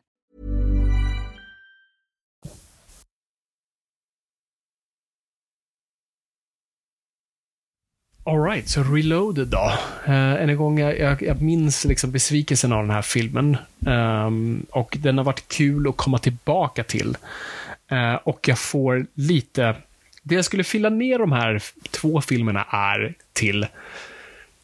För jag har blivit lite varmare, det är fortfarande problem med dem, men det är lite som Mm. Star Wars prequels. Jag gillar inte hur det är utfört, men jag köper narrativet. Och jag köper världen. universumet. Eh, Förstår du lite vad jag menar? För så, med, för, med sequel-trilogin då, alltså Disney Wars, där gör jag inte det. Jag köper inte narrativet. Kanske typ världen lite, men jag köper inte hur narrativet gick. Jättemycket problem med prequelserna, men jag köper liksom, ah, ja, men det här är så det gick, sen är karaktärerna värdelösa och dialogen sämst då. Gillar inte kanske inte designen på allt, allt sånt där, men så här, ja, men jag köper att det är här alla kom ifrån på ett eller Okej, annat ja sätt. men, jo, okej. Mm, ja men då är jag med. Det är jag med Medans, på. eh, Det håller, jag, det håller jag med på. Det känns som att någon styr i skeppet i alla fall. Ja, och pre- prequel-trilogin har ju bara totalt bara, nope, inte canon. Det är inte så här de här karaktärerna funkar, eller så här världen blev. Ja, Ännu en gång, vakna upp ja, mitt i natten och hur kan First Order ha så mycket pengar? Skitsamma. Eh, och lite samma sak känner jag nu med Matrix eh, uppföljarna. Lite sådär, ja, jag, jag, jag gillar det här universumet ni bygger och fortsätter väva ut. Och de karaktärer ni fyller det med och, liksom, och typ hur liksom, utvecklingen det går. Men sen, sen faller allt samman i själva i, i köttet. Eh, jag vet inte om vi ska ta det nu eller ta det sen, men det gjordes ju faktiskt också ett det gjordes ju en prequel till den här också. I form av ett eh, tv-spel som heter Enter the Matrix. Mm. Som också spelade in samtidigt. Just det. Och det är ju en prequel till Reloaded, egentligen. Just det, så Eller den leder in i Reloaded. det. Ja. Mm. Jag vet inte, för jag vill prata Animatrix också. Ska vi ta sidomatrixerna på, på slutet? Vi tar Sidomat- Sidomatrixen sen. Vi går in på Reloaded då. Jag såg ju om den här också nu då, såklart. Mm. Och jag, eh, precis som jag tyckte då, var så här, fy fan vad tråkigt det här är. Mm. Det här är, det är wumbi dumbi wumbo om. Alltså det är bara liksom in the flingy flong and the dombi dom, för att Mhm. citera eh, Mark Kermode. Men sen så här, visst det finns schyssta bits and pieces. Alltså hela jack, på motorvägen där, den är ju pissnygg. Ja, musiken. Mm. Eh, hela den liksom. Ja, men det, allt, allt är liksom pissnyggt. Förutom då att det är lite roligt att typ alla bilar är Cadillacs. Mm. Det är lite kul. Det är troligen att de var sponsrade där, för att helt plötsligt är hela, hela motorvägen är alla bilar Cadillacs. Men du kommer undan då med att det är ju Matrix, och det kan ju vara vad som helst. Det är Mm. liksom, det är meningen att det kan vara glitch in Matrix. Ja, ja, precis. Nej men så här, alltså, jag, jag kan störa mig på det här, åh gud vad vi är dåliga på att ha poddar egentligen. Jag bara gör- drar referenser till vår egen liksom, ungdom och våra egna filmer vi gjorde. Men, men jag känner igen mig i beskrivningen i lazy writing-grejen kring att säga, ja nu ska vi gå till oraklet. Va, där står någon och skyddar. Vi måste slåss med den personen för att veta om du är värdig.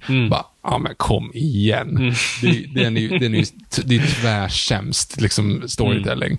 Alltså verkligen så, han ska komma dit och ska han slåss mot Cypher där. Ja. Och så slåss han så bra då, så då får han komma in och träffa oraklet. Så, I, I have to be sure. Bara, nej, kom, nej det, det, är liksom, det där är inte, det där är, det är tråkigt. Mm. Så definitionen av liksom en tråkig actionscen, ingen bryr sig om någonting. Ungefär som, för övrigt, för att dra den referensen också, Rise of Skywalker. När man vet att två karaktärer står och, och lasersvärd fäktas, men man vet att ingen av dem vill skada den andra. Just så, men varför gör ni det då? Varför, varför står ni och gör det här? Ja. Nej, men, och det, det, jag, jag blev otroligt uttråkad och sen de här jävla eh, tvillingarna med, med håret där som kunde bli genomskinliga.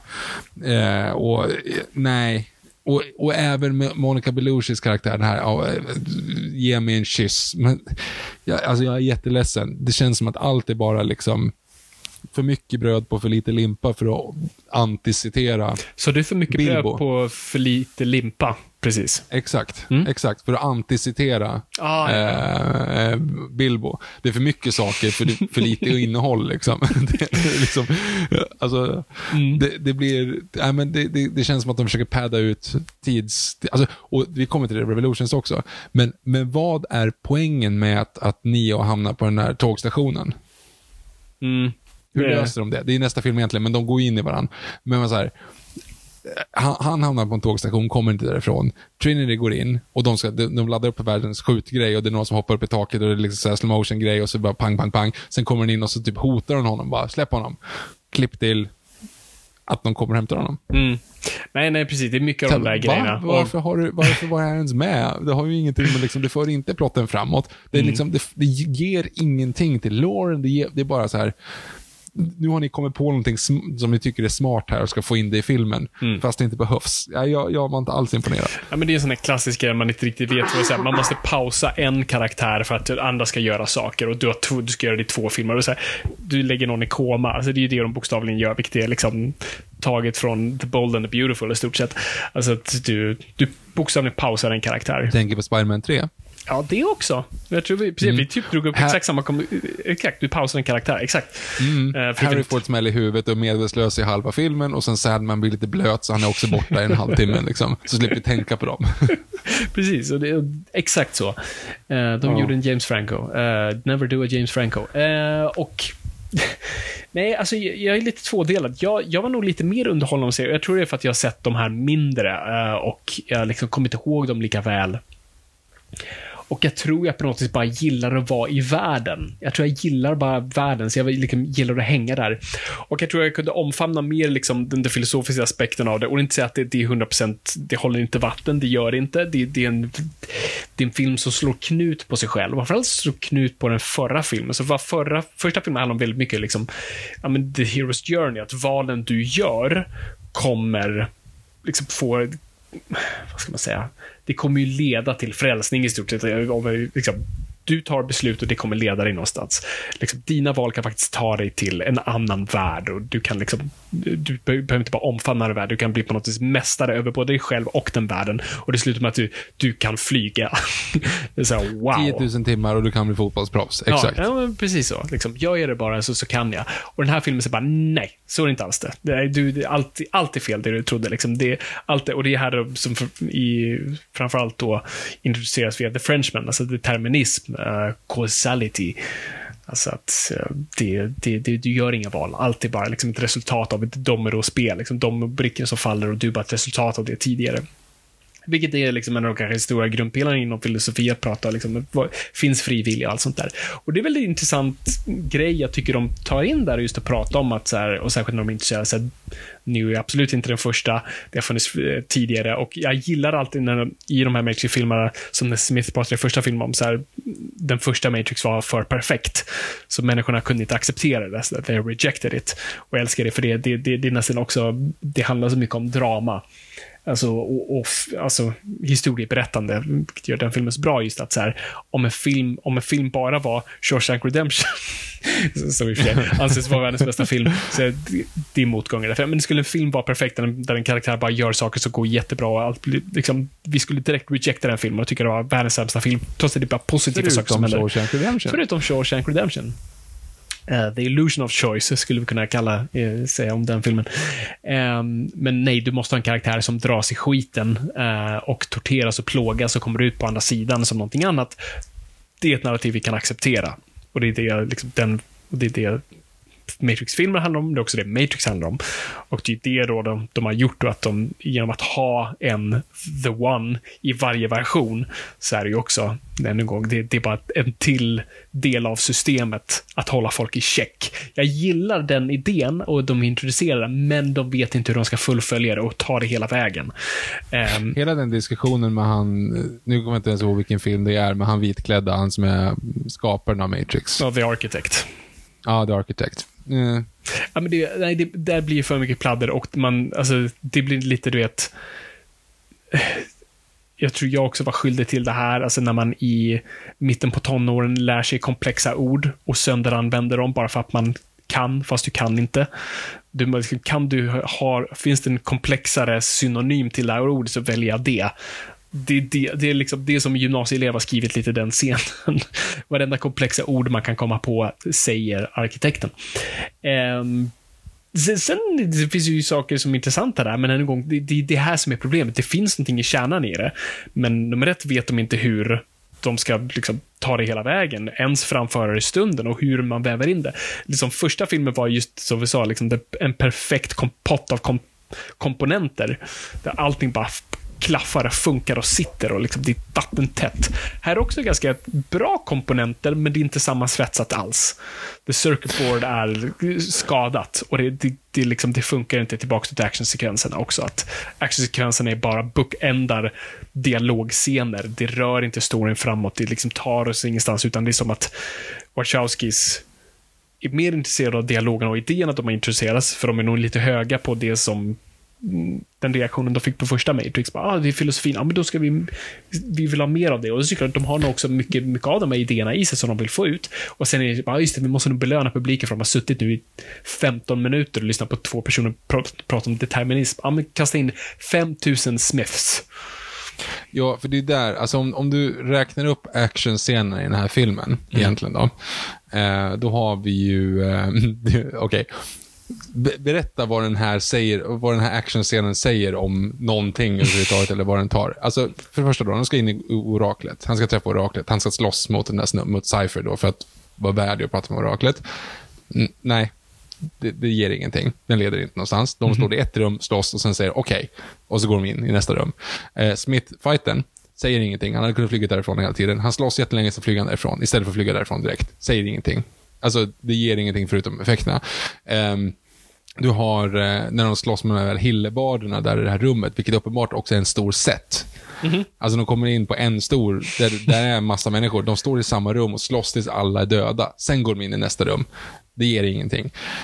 Um, och vägscenen görs ju bra för att de har trollat bort Neo genom att så här vart fan är? Nepal eller något sånt där. Så han måste flyga dit. Och man säger, men okej, okay, ja, ja, det, jag förstår att ni måste få bort Superman på något sätt. Mm. Liksom.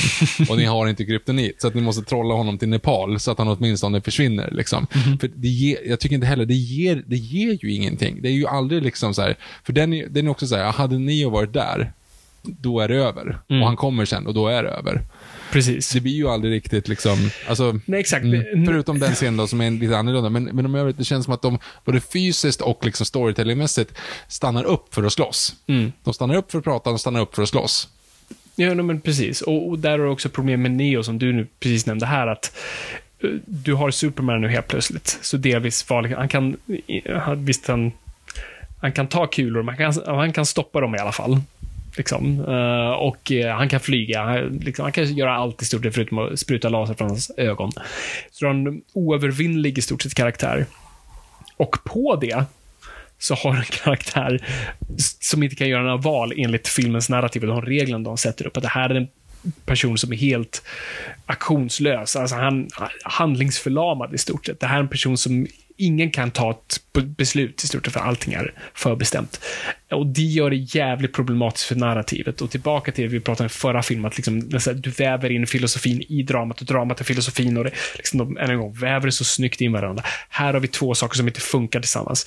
Idéerna filmen, filmen presenterar versus vad som händer funkar inte i, i ett dramatiskt berättande. Och på det kör du två filmer dessutom som är sammanlänkade som en lång film, vilket gör det också väldigt jobbigt och svårt att svälja. Um... Och när man känner att så här, hmm, nu, eh, nu har vi pratat lite för mycket filosofi, vi kanske mycket slow motion action scen Nu lägger vi in en lång, en lång eh, svett-rave. eller liksom dirty, dirty dancing svett-rave i en grotta, korsklippt med en sexscen. Och bara så här, ingen har bett om det här. Nej. liksom. Alltså, du, jag, jag kollar på exportmaterialet här idag. Det finns, en hel, det finns en hel disk om filosofin kring The Matrix. Och det satt massa filosofer. Det höll typ en fem minuter lång utläggning varför den scenen faktiskt funkar. Uh, det tydligen betyder, man säger, men det handlar om kroppar versus liksom, egoism och altruism och hur du, liksom, där har du Zion och de festar loss med varandra, och, men, men Neo och, och Trinity är tillsammans och det är farligt för de är två och de är inte delar kvar. Alltså, det, drog en jättelång grej. Man bara, ah, sure, på papper, fine. Ja, ja, men exakt. Lite. Du, du, du, kan, du kan hitta vad som helst i vad som helst. Ehm, jag tror det var, var det det året, MTV Movie Awards, som spoofade hela den scenen.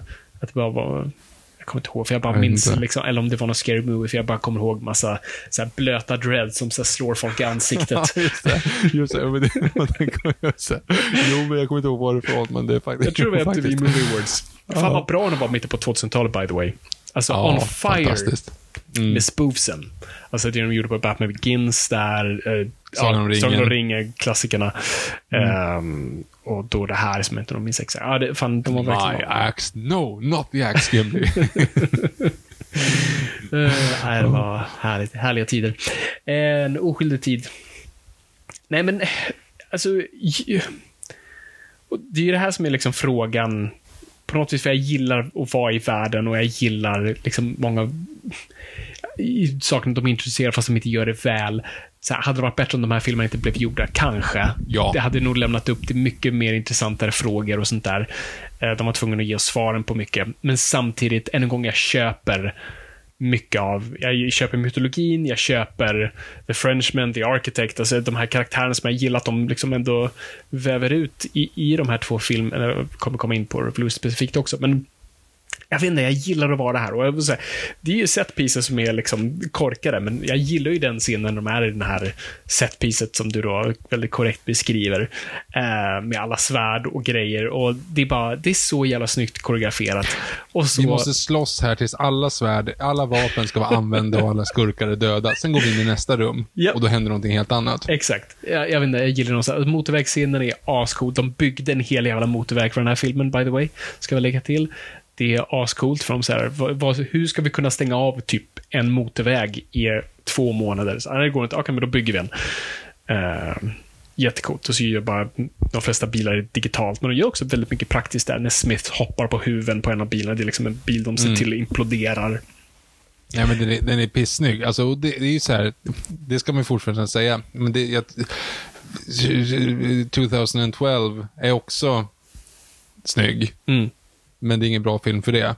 Alltså, Nej, nej, eh, absolut inte. Och jag är den första som kritiserar yta framför substance. Men, men jag vet inte, jag, jag är svag. Jag är en svag person, Victor. Och det är det när man, lite som jag också med Bondfilmer och sånt där, när man gillar att vara i den världen och gillar eh, men absolut, jag, jag medger att det är, det är en film som absolut inte liksom håller vatten.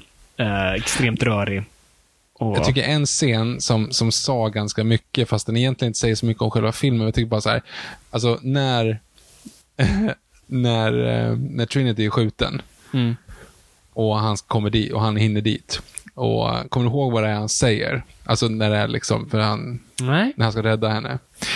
Då säger han, Trinity, I know you can hear me. I uh, won't let you go. I love you too much. Och han säger det ungefär med samma leverans som jag gjorde nu. Alltså han är helt stoneface. Och man så här, men du kan ju Keanu Reeves, du kan ju försöka i alla fall. Alltså snälla, det, det är liksom, du kan inte alltid se ut som att du kommer från Mars. Liksom. Du, du må, nu, ska du, nu ska det vara kärlek i scenen här. Eh, och sen så rycker han då på något vänster in ar- handen i henne och masserar igång hjärtat. Och, man tänker, och det blir liksom Matrix. Du, så här, Ja, okej, nu- vi har etablerat att folk inte kan dö nu, alltså med andra ord.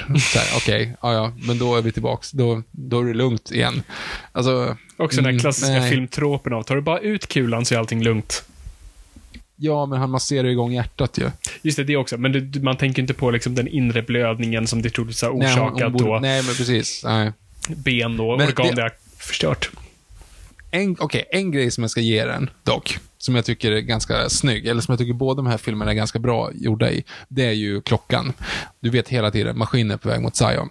Mm. Det, det är liksom, du har en tidsbestämt öde att snart är det kört. Bara så ni vet, det kommer att gå åt helvete snart. Liksom. Vi måste lösa de här sakerna, de här, fixa de här grejerna innan. Och det är en ganska snygg grej. Och det jag också gillade, faktiskt, som jag inte liksom riktigt hade tänkt på tidigare, de här, de här eh, ja, men jätte rip-offade för övrigt av aliens, men de här gångarna, the walkers liksom. Mm. Eh, jag man kommer ju bara fram till också att man sitter och tänker på, men det måste finnas så många enklare lösningar än att ha en person som springer och laddar för hand. liksom, eller bygg, alltså, varför, varför ser de ut så där? Varför är det inget skydd för de som kör förresten? Mm. Ja, när vi ändå kommit så långt teknologiskt att kunna göra de där grejerna. Visir. Du borde ju kunna liksom sätta, ja, visir så att du inte kan bli liksom, människokroppen är ju helt, liksom helt öppen för det här. Ja, skitsamma, det det. Men jag tyckte att det var ganska snyggt första gången du ser en sån. Det är ju när skeppet kommer in, när de öppnar portarna så står det ju en sån bara och bara siktar ut mot tomma intet. Det är en ganska snygg grej, för du ser en. Och man vet liksom, det här hintas om att det kommer bli många, många fler. Och det är lite grann st- eh, Jurassic Park-grejen. I know you can do the dinosaurs, but what can you do with the dinosaurs? Hela den Ja, grejen. Liksom, så här, vi vet att snart kommer det bli hur många som helst. Det tycker jag var en lite snygg grej. Men det är typ där det stannar. Jag tycker snart, alltså, och så hela Jesus-grejen med det här att, de, att alla kommer honom presenter och att det är liksom, okej, vi förstår Keanu Reeves och Jesus. Vilket för övrigt, han har redan spelat Buddha, så det är lite kul. Det är intressant. Vem, vem kan säga att man har spelat två religiösa profeter? Uh, har Jim Caviezel gjort någonting Jag mer? Jesus Christ. Åh, mitt favorittrivia. Um, nej, men jag tycker att det här var en ganska pissig film faktiskt. Jag vill slå ett slag också för Don Davis som gör musiken. Uh, nu ska jag plugga någonting som inte är Noipod. Såg du den videon jag skickade dig Ja, jag såg den. angående musiken? Men, men ja, det gjorde jag. Eh, Jag ska dock säga att jag fick nästan så här, det här kan, alltså det här, det här är, det här är för mycket. Och jag, jag fick så här, det är klart att på något sätt är meningen, men helt plötsligt bara, alltså det var någonting i mig som bara så här, men vänta, är det här, är det på den här nivån de gör filmmusik? För om det är så, så måste jag så här omvärdera hela min värld över att hur, liksom, hur jävla bra och imponerad jag är av de här. Alltså jag har fattat att ja, de här har teman och sådana saker. Men alltså, det här är ju på ett helt, helt annan nivå. Ja. Bara, är det ens möjligt att han tänkte på de här sakerna? Är det, det, det, jag, jag blir helt förvirrad. Liksom, John Williams kan ju inte göra det här. John Williams sitter inte och tänker, när han satte musiken till Justice League, liksom, och så jag ska använda lite Batman i den här. Liksom, Ja, du menar Danny? Elfman? Vadå, det finns... Ja, förlåt, är Elfman. Och så ska jag ha Batman-scoret. Vilket Batman-score? Vadå? Det finns bara ett Batman-score. Alltså hela den känslan. Okej, han har inte ens... Han, han sitter ju hemma. Doodly, doodly, doodly. Ja, det låter bra. Så det här är ju någonting helt annat.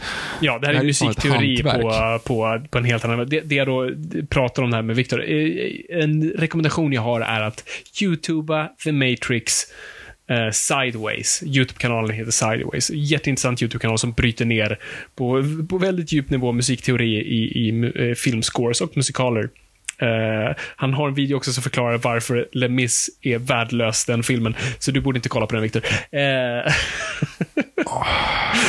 på ett teoretiskt plan. Ja, Ehm, ja du... Nu ska, jag, jag tror tar tillbaka allt jag har sagt, men jävla tror inte att du är någonting bara för att du har läst musikteori. Och så här, jag har fan skrivit en fotbollslåt till en ödla som jag nästan är skrev det? 4000 lyssnar på. Nej, jag har Ove har gjort det. Ja, ja, jag tänkte ja. Nej, Kom inte här och tro att du är någon som inte gillar Loomis Ström. Jag tror han också gjorde en video på, eh, på John Williams som också typ är, alltså, eh, vad jag har lärt mig från den YouTube-kanalen är att eh, kompositörer och filmkompositörer är sjuka i huvudet. De är bra i alla fall och hur jävla mycket de sitter på. Men, men för då, jag ska bara in, ska försöka sammanfatta, men alltså, Matrix-scoret för de här tre filmerna är så jävla komplext och så jävla weird att man, som Victor beskrev, man kan inte ens greppa det. det. Det är för konstigt, för abstrakt. Du kan inte ens liksom plocka en promille, men det är jätteintressant. Och det får en att verkligen beundra den här musiken så mycket mer. Och jag är så ledsen att han inte är med.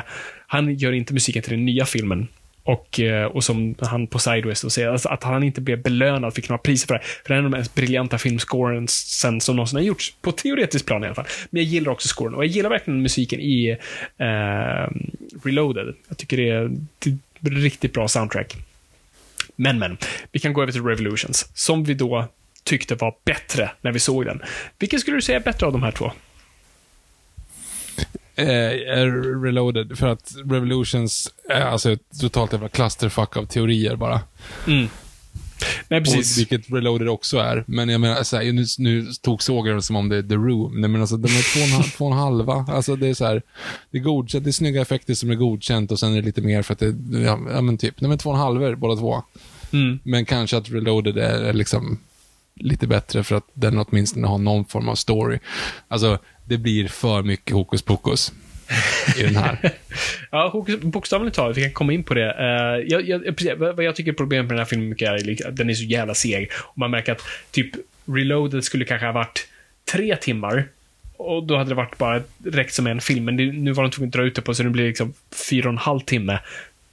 För mycket och de kan inte fylla och, och hela actionsekvensen i Zion. Visst, den är ascool i starten och sen blir det bara för mycket. Och också fighten mellan Smith och mm, Neo. Alltså allt är bara lite för om vi tyckte att förra Reloader var för mycket, det här är för mycket av för mycket. Och det funkar inte alls. Nej men och så känns det som att man är lite slut på idéer. Och det var det jag menar med när de kommer, när Trinity och Morpheus kommer till, och Cypher då, kommer till den här fransmannen. Mm. Och de, det första mötet, de här som voltar upp och bara springer i taket. Mm. Så här, Jaha, okej. Hade ni slut på, på liksom fräcka... Det, det känns som att det fyllde ingen funktion. Det var bara Det någonting fick som mig inte så var mycket liksom... att tänka på, på tal om Trinity, Blade Trinity. Eh, jag vet inte varför, jag bara får Blade-vibbar. Jag har ju sett outtakesen där när, han eh, sitter och berättar vilka låtar han lyssnar på. Vem? Och med vilken är det som... Eh, Deadpool, han pratar ju om att han liksom så här, hon lyssnar på musik i öronen. För Jessica Biel har ju någon sån jävla eh, set, eh, earpieces i huvudet, eller i öronen, så går omkring och typ mördar. Eh, vänta, okej det här är jätte, det här är, det, det är två saker som man kan tänka på när det är Blade Trinity. Hon, hon, hon går ju omkring, hon sätter ju typ så här Philips nya headphones i öronen för att det nice. ska vara så cool musik när hon är ute och mördar vampyrer. Och då så påpekar ju Deadpool det. Eh, och då så säger han så här, ah, she listens to everything like rap, uh, hip-hop. I'm more of a... Och vad är det som kommer i filmen? För han säger ju typ tio olika versioner av den. Jag kommer inte ihåg, är det David Hasselhoff, Man Myself, han säger i filmen? Så filmen Victor pratar om nu är Blade Trinity, där Ryan Reynolds är med och spelar en väldigt Deadpool-esk karaktär igen. Ehm, jag- vill säga Enya, men det är väl inte det. Nej, det är tror säkert en av sä- nej. Nej, jag tror att han säger I'm more of a David Hasselhoff man myself. Mm. Vilket är så här, det är okej. Men jo, men, och då, fin då finns i alla fall, du vet så här, eh, straff utan målvakt, eh, straff, straff utan målvakt, de lägger upp bollen i, i volleyboll och det är bara smashläge, men det är ingen som kommer ta emot den. När de säger liksom, när det står några vampyrer runt ett hörn och bara Shoot him! I can't shoot through around corners, but I can. Och så drar hon fram en, en, eh, en pilbåge och så skjuter hon en pil som kan skjuta runt, runt hörn. Och det är så här, om man, ja, men just så här, vem skrev det där? Alltså just så här, jag kan inte skjuta runt hörn, men jag kan. Och så, så kan hon faktiskt det. Man så här, men varför, åh, åh, nej, det är jätte, jättedumt. Det är dumt. Ja. Va, va, var Ja. det någon koppling till Matrix vi hade här, eller var det bara en... Nej. Nej, det var... Thank you. Eh, Jag vet inte vart vi var på Revolutions. Nej, men eh, det, det finns inte så mycket att säga där. Det, det är väldigt långdragen ehm, för Jo, övermättad du film. sa, du sa att du tänkte på Blade Trinity när du började hoppa upp i taket. Ja, det var det. Ja, Och sen precis. så tog jag jag, hade, jag hade Mm. ingen annan tanke. En bra sak jag ska Ja. säga med Revolutions är han som spelar Bane, som gör en jävla pitch perfect Hugo Weaving-imitation. Ja, den är faktiskt bra. Den är så bra, sen, den blir ju inte pastischig liksom, utan han har det bara, perfekta hur han pratar, utan att, att bara, så här, fan vad snyggt. Eh, jag gillar det. Bane. Ehm, vad, vad, vad, vad mer bra finns det? Alltså, jag kommer ihåg när jag såg den här på bio och verkligen slogs av så här, ah, när Smith och uh, Neo slåss. Okej, men nu kan, kan vi få en Superman-film nu? Tack. Alltså, nu kan vi göra det Det har, här. jag, det har jag antecknat, att det här är snyggare.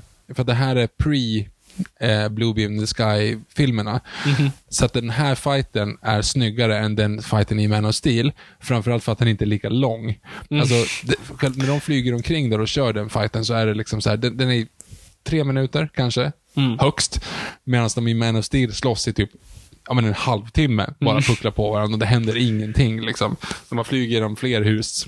Eh, så på ett sätt så hade jag en anteckning här att jag tyckte att den var snyggare än Man of Men, och det, och det, det slog mig verkligen med hur många bilder som är väldigt lika Man of Steel. Jag säger inte att någon snodde från någon, men hur, hur liksom bara Superman-influerat det här var. Alltså det, liksom kameran som verkligen sitter på armbågen medan Neo laddar ett slag i flygande mot eh, Smith. Och så bara... ja, Och, ja, det, det var verkligen bara så här, shit, nu kan vi få en Superman-film och vi fick Superman Returns. Ehm, som, där Superman inte ger, ger av ett enda slag faktiskt. Han Ehm, slår, han slår inte någon. Han blir skjuten i ögat dock. ja, exakt. Det är coolaste. Eh, men, vilket fuckar upp helt liksom, känslan i att det någonsin är någon fara. För han blinkar inte ens och blir skjuten nej, i exakt. ögat. Man hade i alla fall velat ta Och det är det. så här, mm, alltså så här, är någon, skulle någon blåsa på mitt öga så hade jag blinkat. Ja, men exakt. Ett dammkorn och man såhär, vad vad har jag? Ja, okej, blind. Ja. Det hade varit, I alla fall en sån hade varit skön. Jag, vet, Eh, inte, jag, det, jag har antecknat här nu att Neo hamnar på den här stationen. Och så går de till fransmannen. Och fransmannen säger att han vill ha orak, alltså Eyes of the Oracle. Mm. Vilket de bara, nej jag har inte tid med det här. Och sen så hotar hon honom. Mm. Och då ger han med sig. Så efter 23 minuter eh, har vi tillbaka Neo, bara. De är ju väldigt enkla att, att få saker av, både fransmannen och Monica Bellucci. Eh, Ja. Båda ger dem exakt så, väldigt då simpla medel. the, the Eyes of the Oracle, om man tänker, hur ska de lösa det här? Hon bara tar fram en pistol och sätter en panna på honom så är det löst. Mm. Alltså, det var så här, jaha, okej, de, de, då gör vi ingenting med det då. Liksom. Nej, jag, okej. tror, jag tror Ja, det enda de planterar där väldigt slarvigt är att så här, det är någonting värdefullt, så när Smith tar över henne så är det en big deal. Vilket jag hade ändå tolkat som en big deal eh, oavsett vad. Men jag tror det är där det, det är väl det det någonstans, hintar om. Men, ja, alltså det här... Och det här programmet och hela den här grejen, de sitter på stationen med hon som smugglar, han som smugglar in program, Mm. bara, nej, jag är... Varför, varför, ger vi det? varför får vi den här informationen? Det här kommer aldrig komma tillbaka. Det här kommer inte användas på något sätt. Det här ger ingenting för Story Story. Nej, och- och det är det- bara liksom så här, här är en teori, kolla här, kolla Exakt, här. och det är det här som är lite till mitt dilemma av att så här, jag gillar den idén. Jag gillar att nu program börjar föredra att leva i The Matrix. Eh, att det, liksom, det blir ett utbyte. Människor vill fly, men maskinerna vill in och liksom vill faktiskt, och du har roga eh, system och program. Jag bara gillar den idén.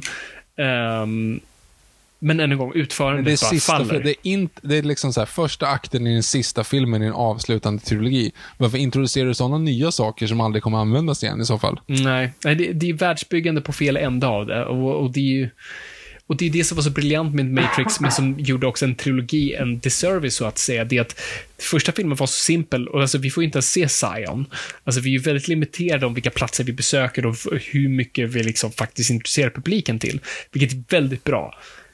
Jättedålig för en trilogi. Alltså, för att vi- nu måste vi introducera saker as we go. Alltså, Sagan om ringen har ju liksom, du fattar världen, trots att du kommer till nya platser, men du fattar världen och dess regler i första filmen, första delen av första filmen. Liksom, i, I den prologen, introducerar oss. Ah, okej, det finns eh, de här varelserna, så här ser världen ut, här är kartan.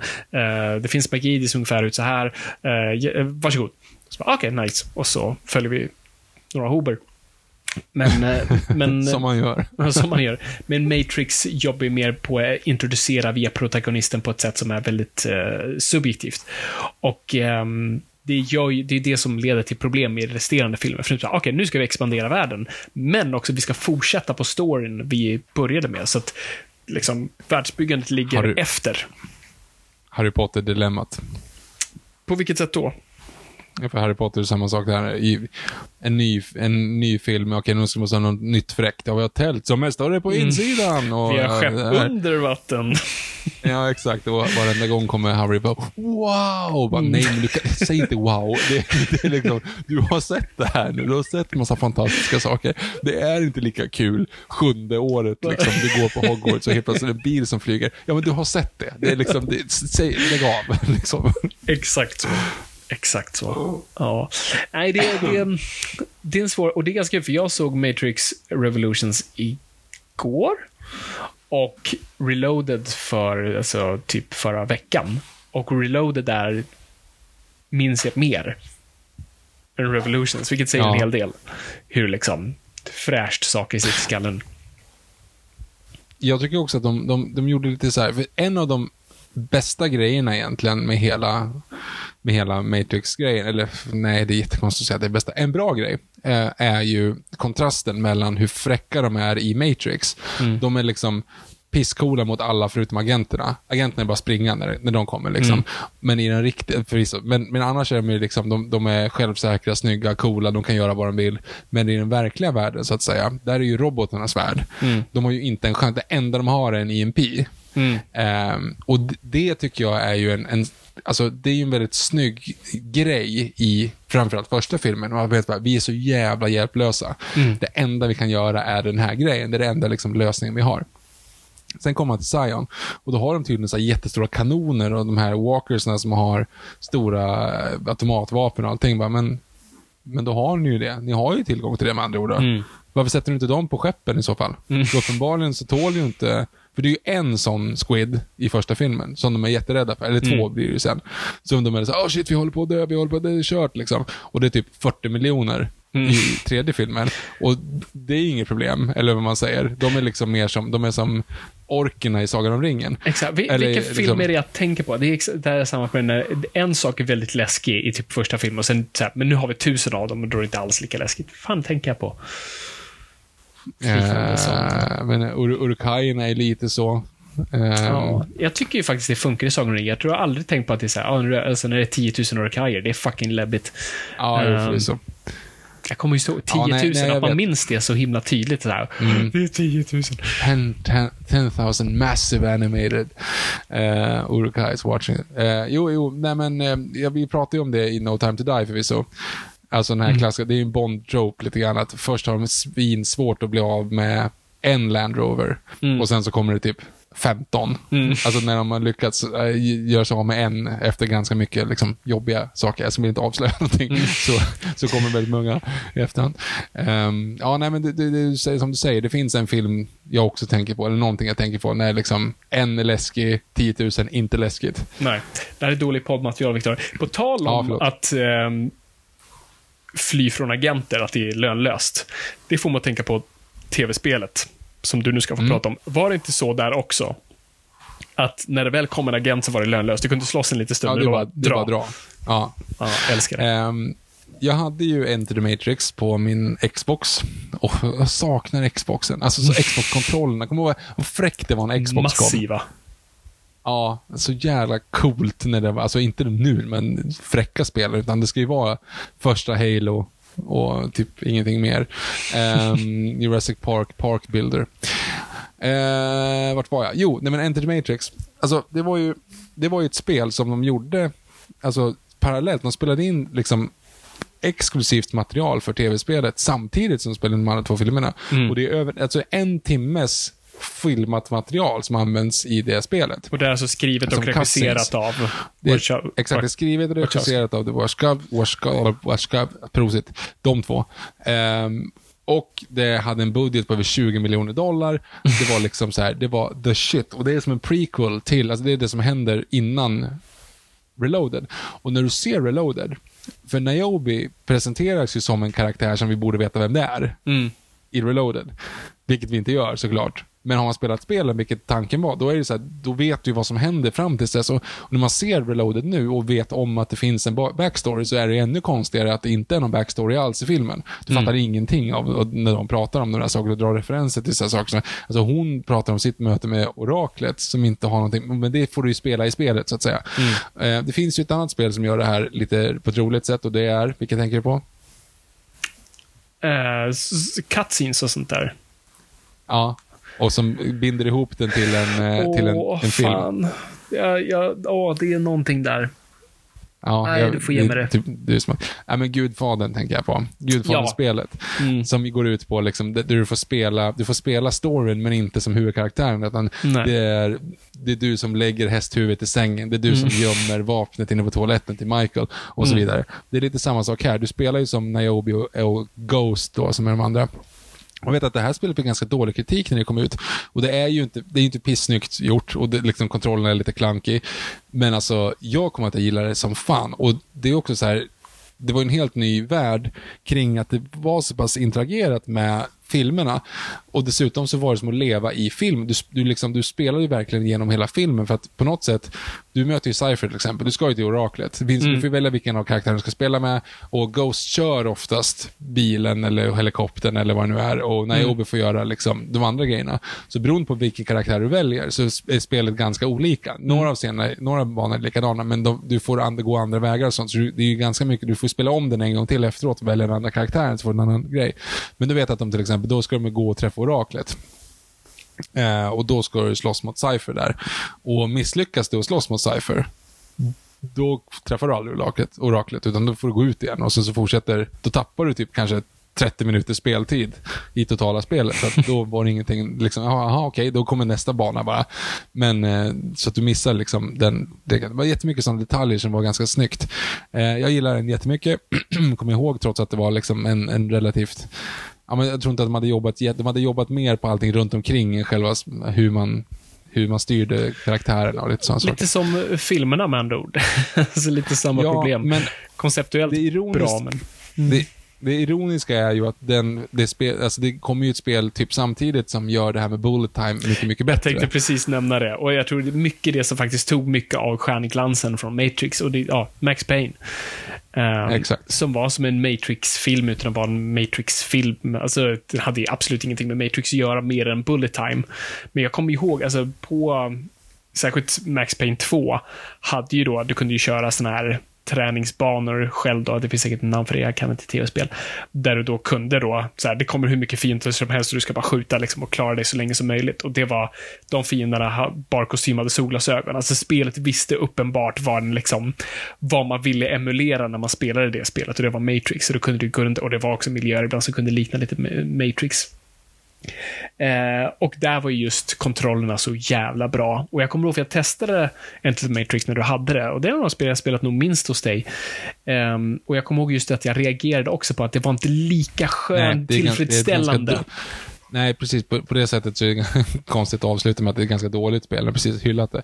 Men, men det är ju liksom, spelupplevelsen i sig är mer kopplad till allting runt omkring. Hade det inte varit Matrix hade det varit jättedåligt. Mm. Alltså, hade det inte varit den här kärleken i det så hade de, de hade behövt göra några varv till på liksom själva hur man styr och hur man gör och hela upplägget kring liksom kontrollerna. Mm. Och grafiken egentligen även i den. För Fall of Max Payne, alltså Max Payne 2, Fall of Max Payne, den är ju, den är ju jävligt fet. Ja, ja, alltså jag tycker det är en av de mest briljanta spelen som har gjorts fortfarande. Alltså, också väldigt vast skriven. Hur Mm. är det en film noir som på något vis eh, spoofar film noirs utan att, och spoofar sig själv fast utan att vara en komedi. Den är extremt rolig, men tar sig själv jätteseriöst. Ehm, och ändå, kontrollerna är jättebra och uh, otroligt tillfredsställande. Alltså det var alltså, det är inte allt för många år sedan jag spelade om det spelet faktiskt. Eh, Mm. och det är fortfarande liksom, alltså om du jämför med saker idag och sådär och hur banor är utformade, alltså det är ju väldigt mycket, du går väldigt simpla vägar och sånt där. Men, ja. Ja, ja, man måste ju tänka på att det är 20 år gammalt liksom. men så jävla kul och så jävla bra. Eh, Jag har inte spelat trean, det måste jag fan göra. Eh, Nej, och så, så resulterade det i en eh, fantastisk film av, eh, med Mark Wahlberg och Mila Kunis. herregud, Som snacka. hyllades, hyllades unisont och eh, gjorde alla sp- tv-spelsfans otroligt stolta och glada. Mm, och hyllar det som den bästa tv-spelsadaptionen någonsin. Gud, alltså jag var så taggad. Vad jag kom fan gjorde de med den? Ja, alltså lite som jag tänker att de gör nu med Uncharted. Alltså man bara får allting fel, men som också har med Mark Wahlberg. Alltså hur man bara, alltså produktionshelvete som går helt fel och du missar poängen. Ehm, så att det, är- ja, nej, let's not get into that. Ett annat komplement till, till Matrix är ju då Animatrix. Som var då en direkt till videofilm. Som var en samling kortfilmer eh, regisserade av olika animatörer, både liksom från manga-hållet, eller förlåt, anime, um, och uh, andra i helt olika stilar. Uh, och jag kommer ihåg den här posten, för jag kommer ihåg vår lokala eh, hyrvideobutik hade den här posten uppe jättelänge. Kom, minns du det? På Guldrullen. Ja, och så, ja, exakt. Det är Mm. sju mindre bilder, varav en är hon, eh, hon den, det snyggt animerade, så att Ja, säga. exakt, som hoppar baklänges. som- ja, exakt. Mm. Ja. Ja, exakt den. Eh, nej, men, ehm, och, och också än en gång, en ålder där det fanns mycket mer pengar, då man bara sa, ja, men såklart vi, gör, vi släpper en sån här film. Och jag vet inte om det var ett komplement, jag tror att det här kanske släpptes mellan Revolutions och ehm, Jag kommer inte ihåg det faktiskt. Eller, eller direkt efter. Det var i alla fall koppling till det. Eh, och den är med på den här boxen jag har, så jag kollade om det. Och det, alltså, det, det är typ åt det hållet jag alltid typ velat ta Matrix snarare. Att så här, och det som gör mig lite orolig nu för Resurrections var så här, nej, men jag behöver inte ha med Neo Stories. Den storyn är verkligen klar. Um, men det är en så otroligt, det, det är så otroligt rikt universum. där du kan leka med så mycket grejer. Men, sorry. Du hade inte sett, har du sett någonting från Animatrix? Jo, men jag såg den då. Ja, men såg jag har inte sett den sen dess. Mm. Nej, men så det, det, det är ju lite olika kortfilmer som i stort sett leker med olika, liksom leker i världen ännu en gång. Det, det är en som har en koppling direkt till filmerna. Ehm, det är i stort sett de som upptäcker, första storyn handlar om de som upptäcker att eh, maskinerna är på väg att invadera Zion. Ehm, det är typ det. Och sen resterande är mest bara liksom, man leker i världen. Så en är, är, en, är en origin story som förklarar faktiskt hur maskinerna tog över. Väldigt intressant. Eh, lite weird med och maskinerna ser inte riktigt ut som man tänkt att de ska göra. Eh, men men man, för, man förlåter det just för att det är mer, ett mer abstrakt medie, så att säga. Sen har du en favorit jag har är liksom en, en idrottsman som, råk, som presterar så pass hårt så han råkar väcka sig själv i sin podd i den riktiga världen. Att liksom, och det här är ett problem robotarna har, att det här händer ibland. Liksom. Och sen är en som handlar om när det är ett bugg i systemet. Ehm, um, så, så det här är några barn som leker vad de tror är ett spökslott. Liksom. Det är the, the haunted house som vi alla hade när vi var små. Men det är en glitch i The Matrix, liksom, där fysiken har fuckat upp och där liksom, saker svävar och när ingenting följer lagarna längre och hur, liksom, hur agenterna måste liksom, lösa det. Så det är lite sådana där grejer, man liksom leker en gång i världen och, och introduceras till olika koncept och, och stories och, och leker. Eh, jag gillar den. Jag tycker så här, fan, cool period. Eh, det var när man kunde göra sånt. Och än en gång, det är inte heller man har gjort det billigt bara så här, ah, men vi gör det här som en liten promo-grej. Vi lägger några tusen lappar på det och, ser, och bara tjänar in det. Utan det är liksom gjort med kärlek. Och Wachowskis har liksom varit djupt involverade i det och det är riktig talang bakom det. Eh, jag gillar det som fan. Men, och, och det är än en gång, liksom, om vi ska liksom landa i någonting. Um, i just att det var framtiden för franchisen. Som sagt, vi har inte sett det för vi är världens äldsta podcast. Vi kommer se den. Vi kommer prata om det, vi kommer också prata om Spiderman, så vi, kanske gör det i ett svep, vem vet, men vi kommer komma till de här filmerna. Ehm, men bara baserat på trailern, som absolut är bra, men du vet, lite som med sequel-trilogin, bara så här, det här är inte så jag ser det. Och det är ju såklart en subjektiv Nej. grej av att så här, hur jag upplever saker behöver inte betyda av alla. Och herregud, det är Wachowskis är tillbaka, eller bara ena. Och eh, det är de som har liksom full rätt till materialet. Men jag är rädd att vi bara liksom trampar i gammalt vatten och ska leka nostalgi. Istället för det ryktades för några år sedan att de så här, skulle göra en tv-serie i Matrix-världen. Uh, och det jag tror så, ja men fan, en serie på HBO Max som leker i, i den världen hade jag varit jätteöppen för. Än en gång, ta bort profetien och, och Neo och allt det där, utan bara vara i den världen. Och ha liksom nya äventyr. Ja, nej men det, jag har ju inte, jag har inte så här jättemycket. Det enda jag har, jag lyssnar på Kermodes recension av den, för han, han recenserar ju alltid spoilerfritt liksom. Ehm, och jag, jag, då när han beskrev vad de har gjort, så gillar jag inte den tanken alls faktiskt. Okej, ja, nej, det, det, bådar, det bådar inte gott. Eh, och jag, Nej. jag har läst både bu och bä, så att pff, jag kommer gå in med, med en open mind och hoppas att det, att det är skitbra. Men eh, jag är lite eh, orolig. Mm. Mm. Nej, jag också. Hur, hur skulle du, vill du bara att man klappar igen den här franchisen och lägger den bakom sig, eller? Jag tycker att vi hade kunnat, det hade räckt efter första såklart, men om du ändå ska göra Reloaded Revolution så räcker det definitivt då, för de har ju startat om skiten ju. Mm. Det slutar ju med att allt är nytt liksom.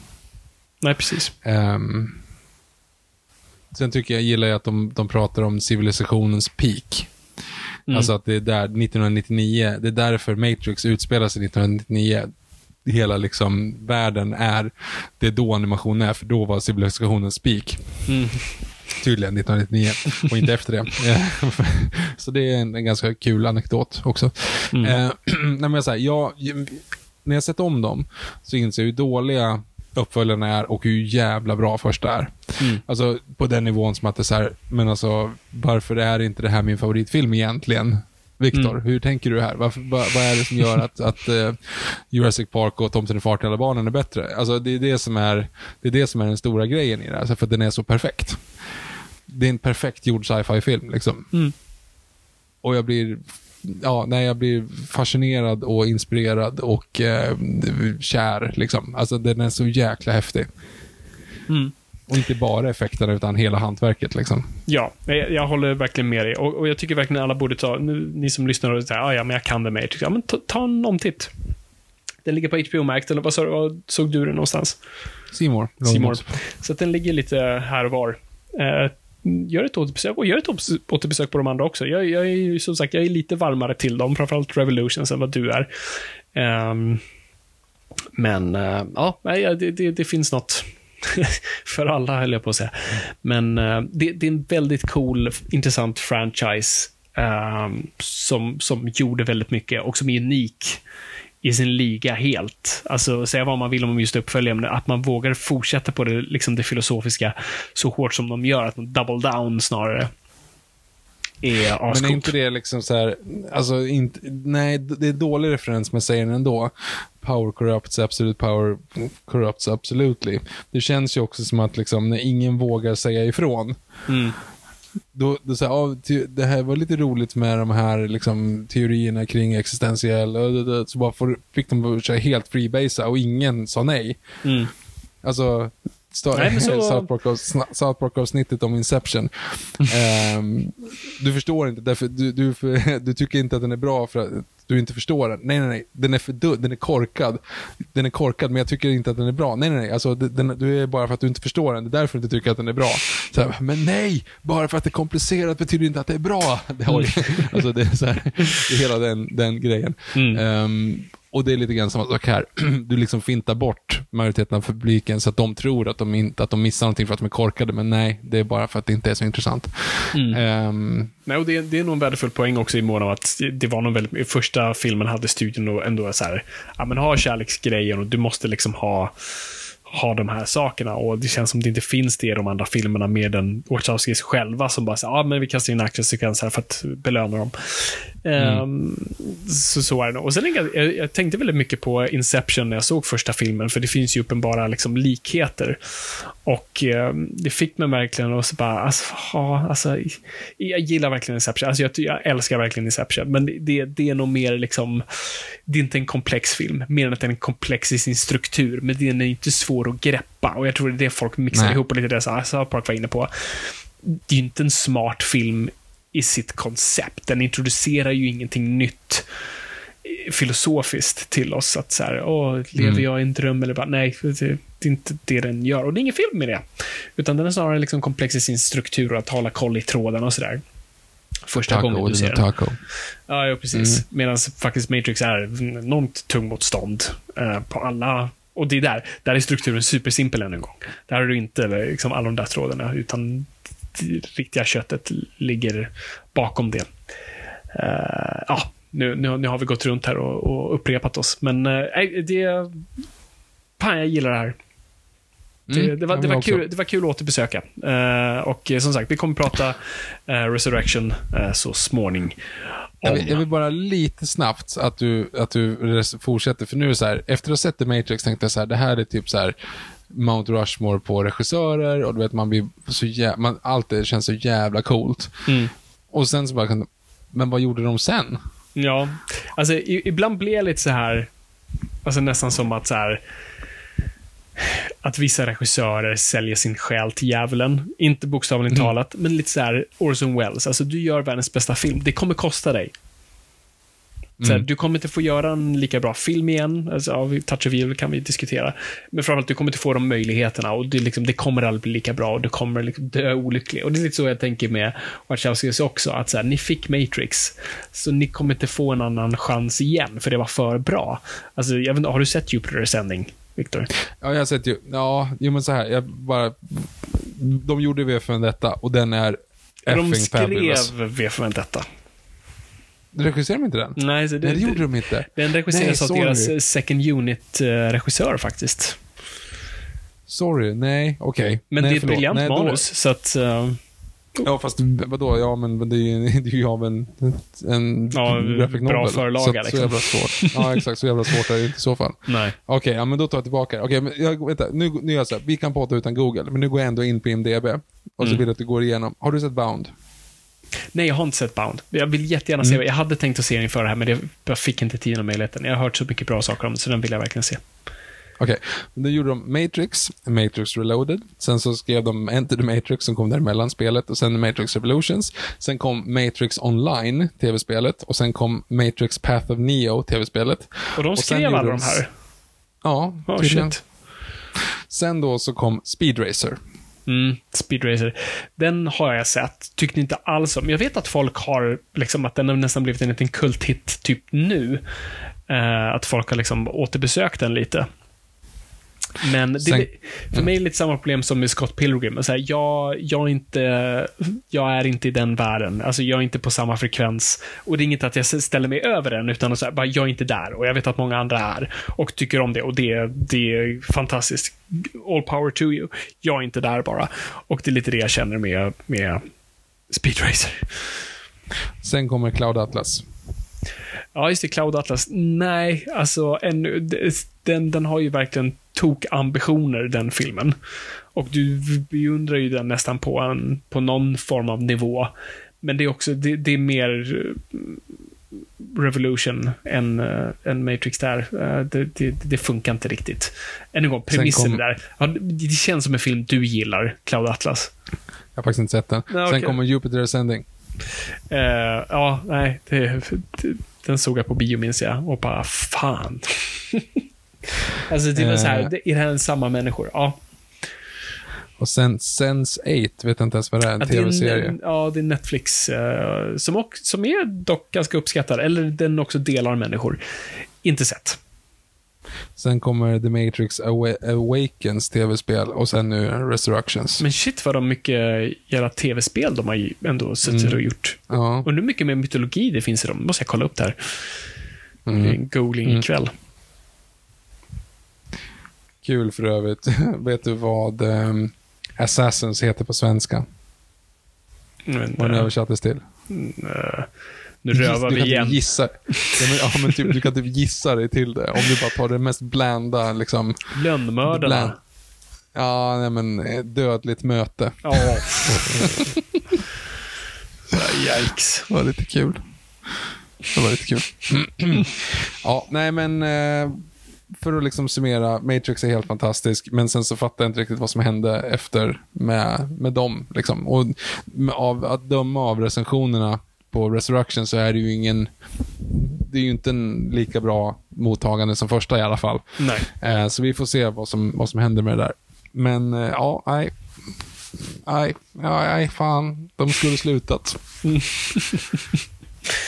Ja, jag vet inte. Jag vet inte. Men jag, jag hoppas verkligen eh, om eh, fem, tio år, kanske ännu mindre. I och för sig, jag tror inte Box Office har varit jättepositiv på uh, Resurrection, men samtidigt är covid, så att vem vet vad som är vad. Jag hoppas att vi ser en tv-serie. Jag, jag tycker det är för rikt universum att inte peta i. Ehm, det är många saker man gör tv-serier och filmer på, franchises som du verkligen inte ska peta i. Nu har jag inget bra exempel, men finns, de, vi har pratat om dem tidigare. Så här, nej, gör inget mer. Jurassic Park. Jurassic Park är inte en franchise. Nej, Ehm, exakt. Du ska inte peta i det. Ehm, det här är en franchise, verkligen. Det är sånt rikt universum och mytologi, så att go for it. Men ja, Snyggt. Vi, vi, vi, vi, jag tycker vi, vi klarar vi, vi avslutar det här kapitlet. Som sagt, vi kommer följa upp med recensioner. Vi kommer släppa andra avsnitt, eh, när och hur. Och så se. Men det kommer. Eh, ja, jag tycker vi bommar igen där. Och, och, och glöm inte att se Ove på ett eh, väldigt talangfullt program. Eh, fyra steg bort i en galax långt bort borta. Någon. I avsnitt Kväll. fyra, tror jag att det är som de har sagt. Ja, så okej. om, om två veckor, om du lyssnar på det här nu. Nice. Alright, nu bommar vi igen där. Tack så jättemycket för att ni har lyssnat. Det är kul att vara lyssnare. Kom och gott folk. Ingenting är för nördigt.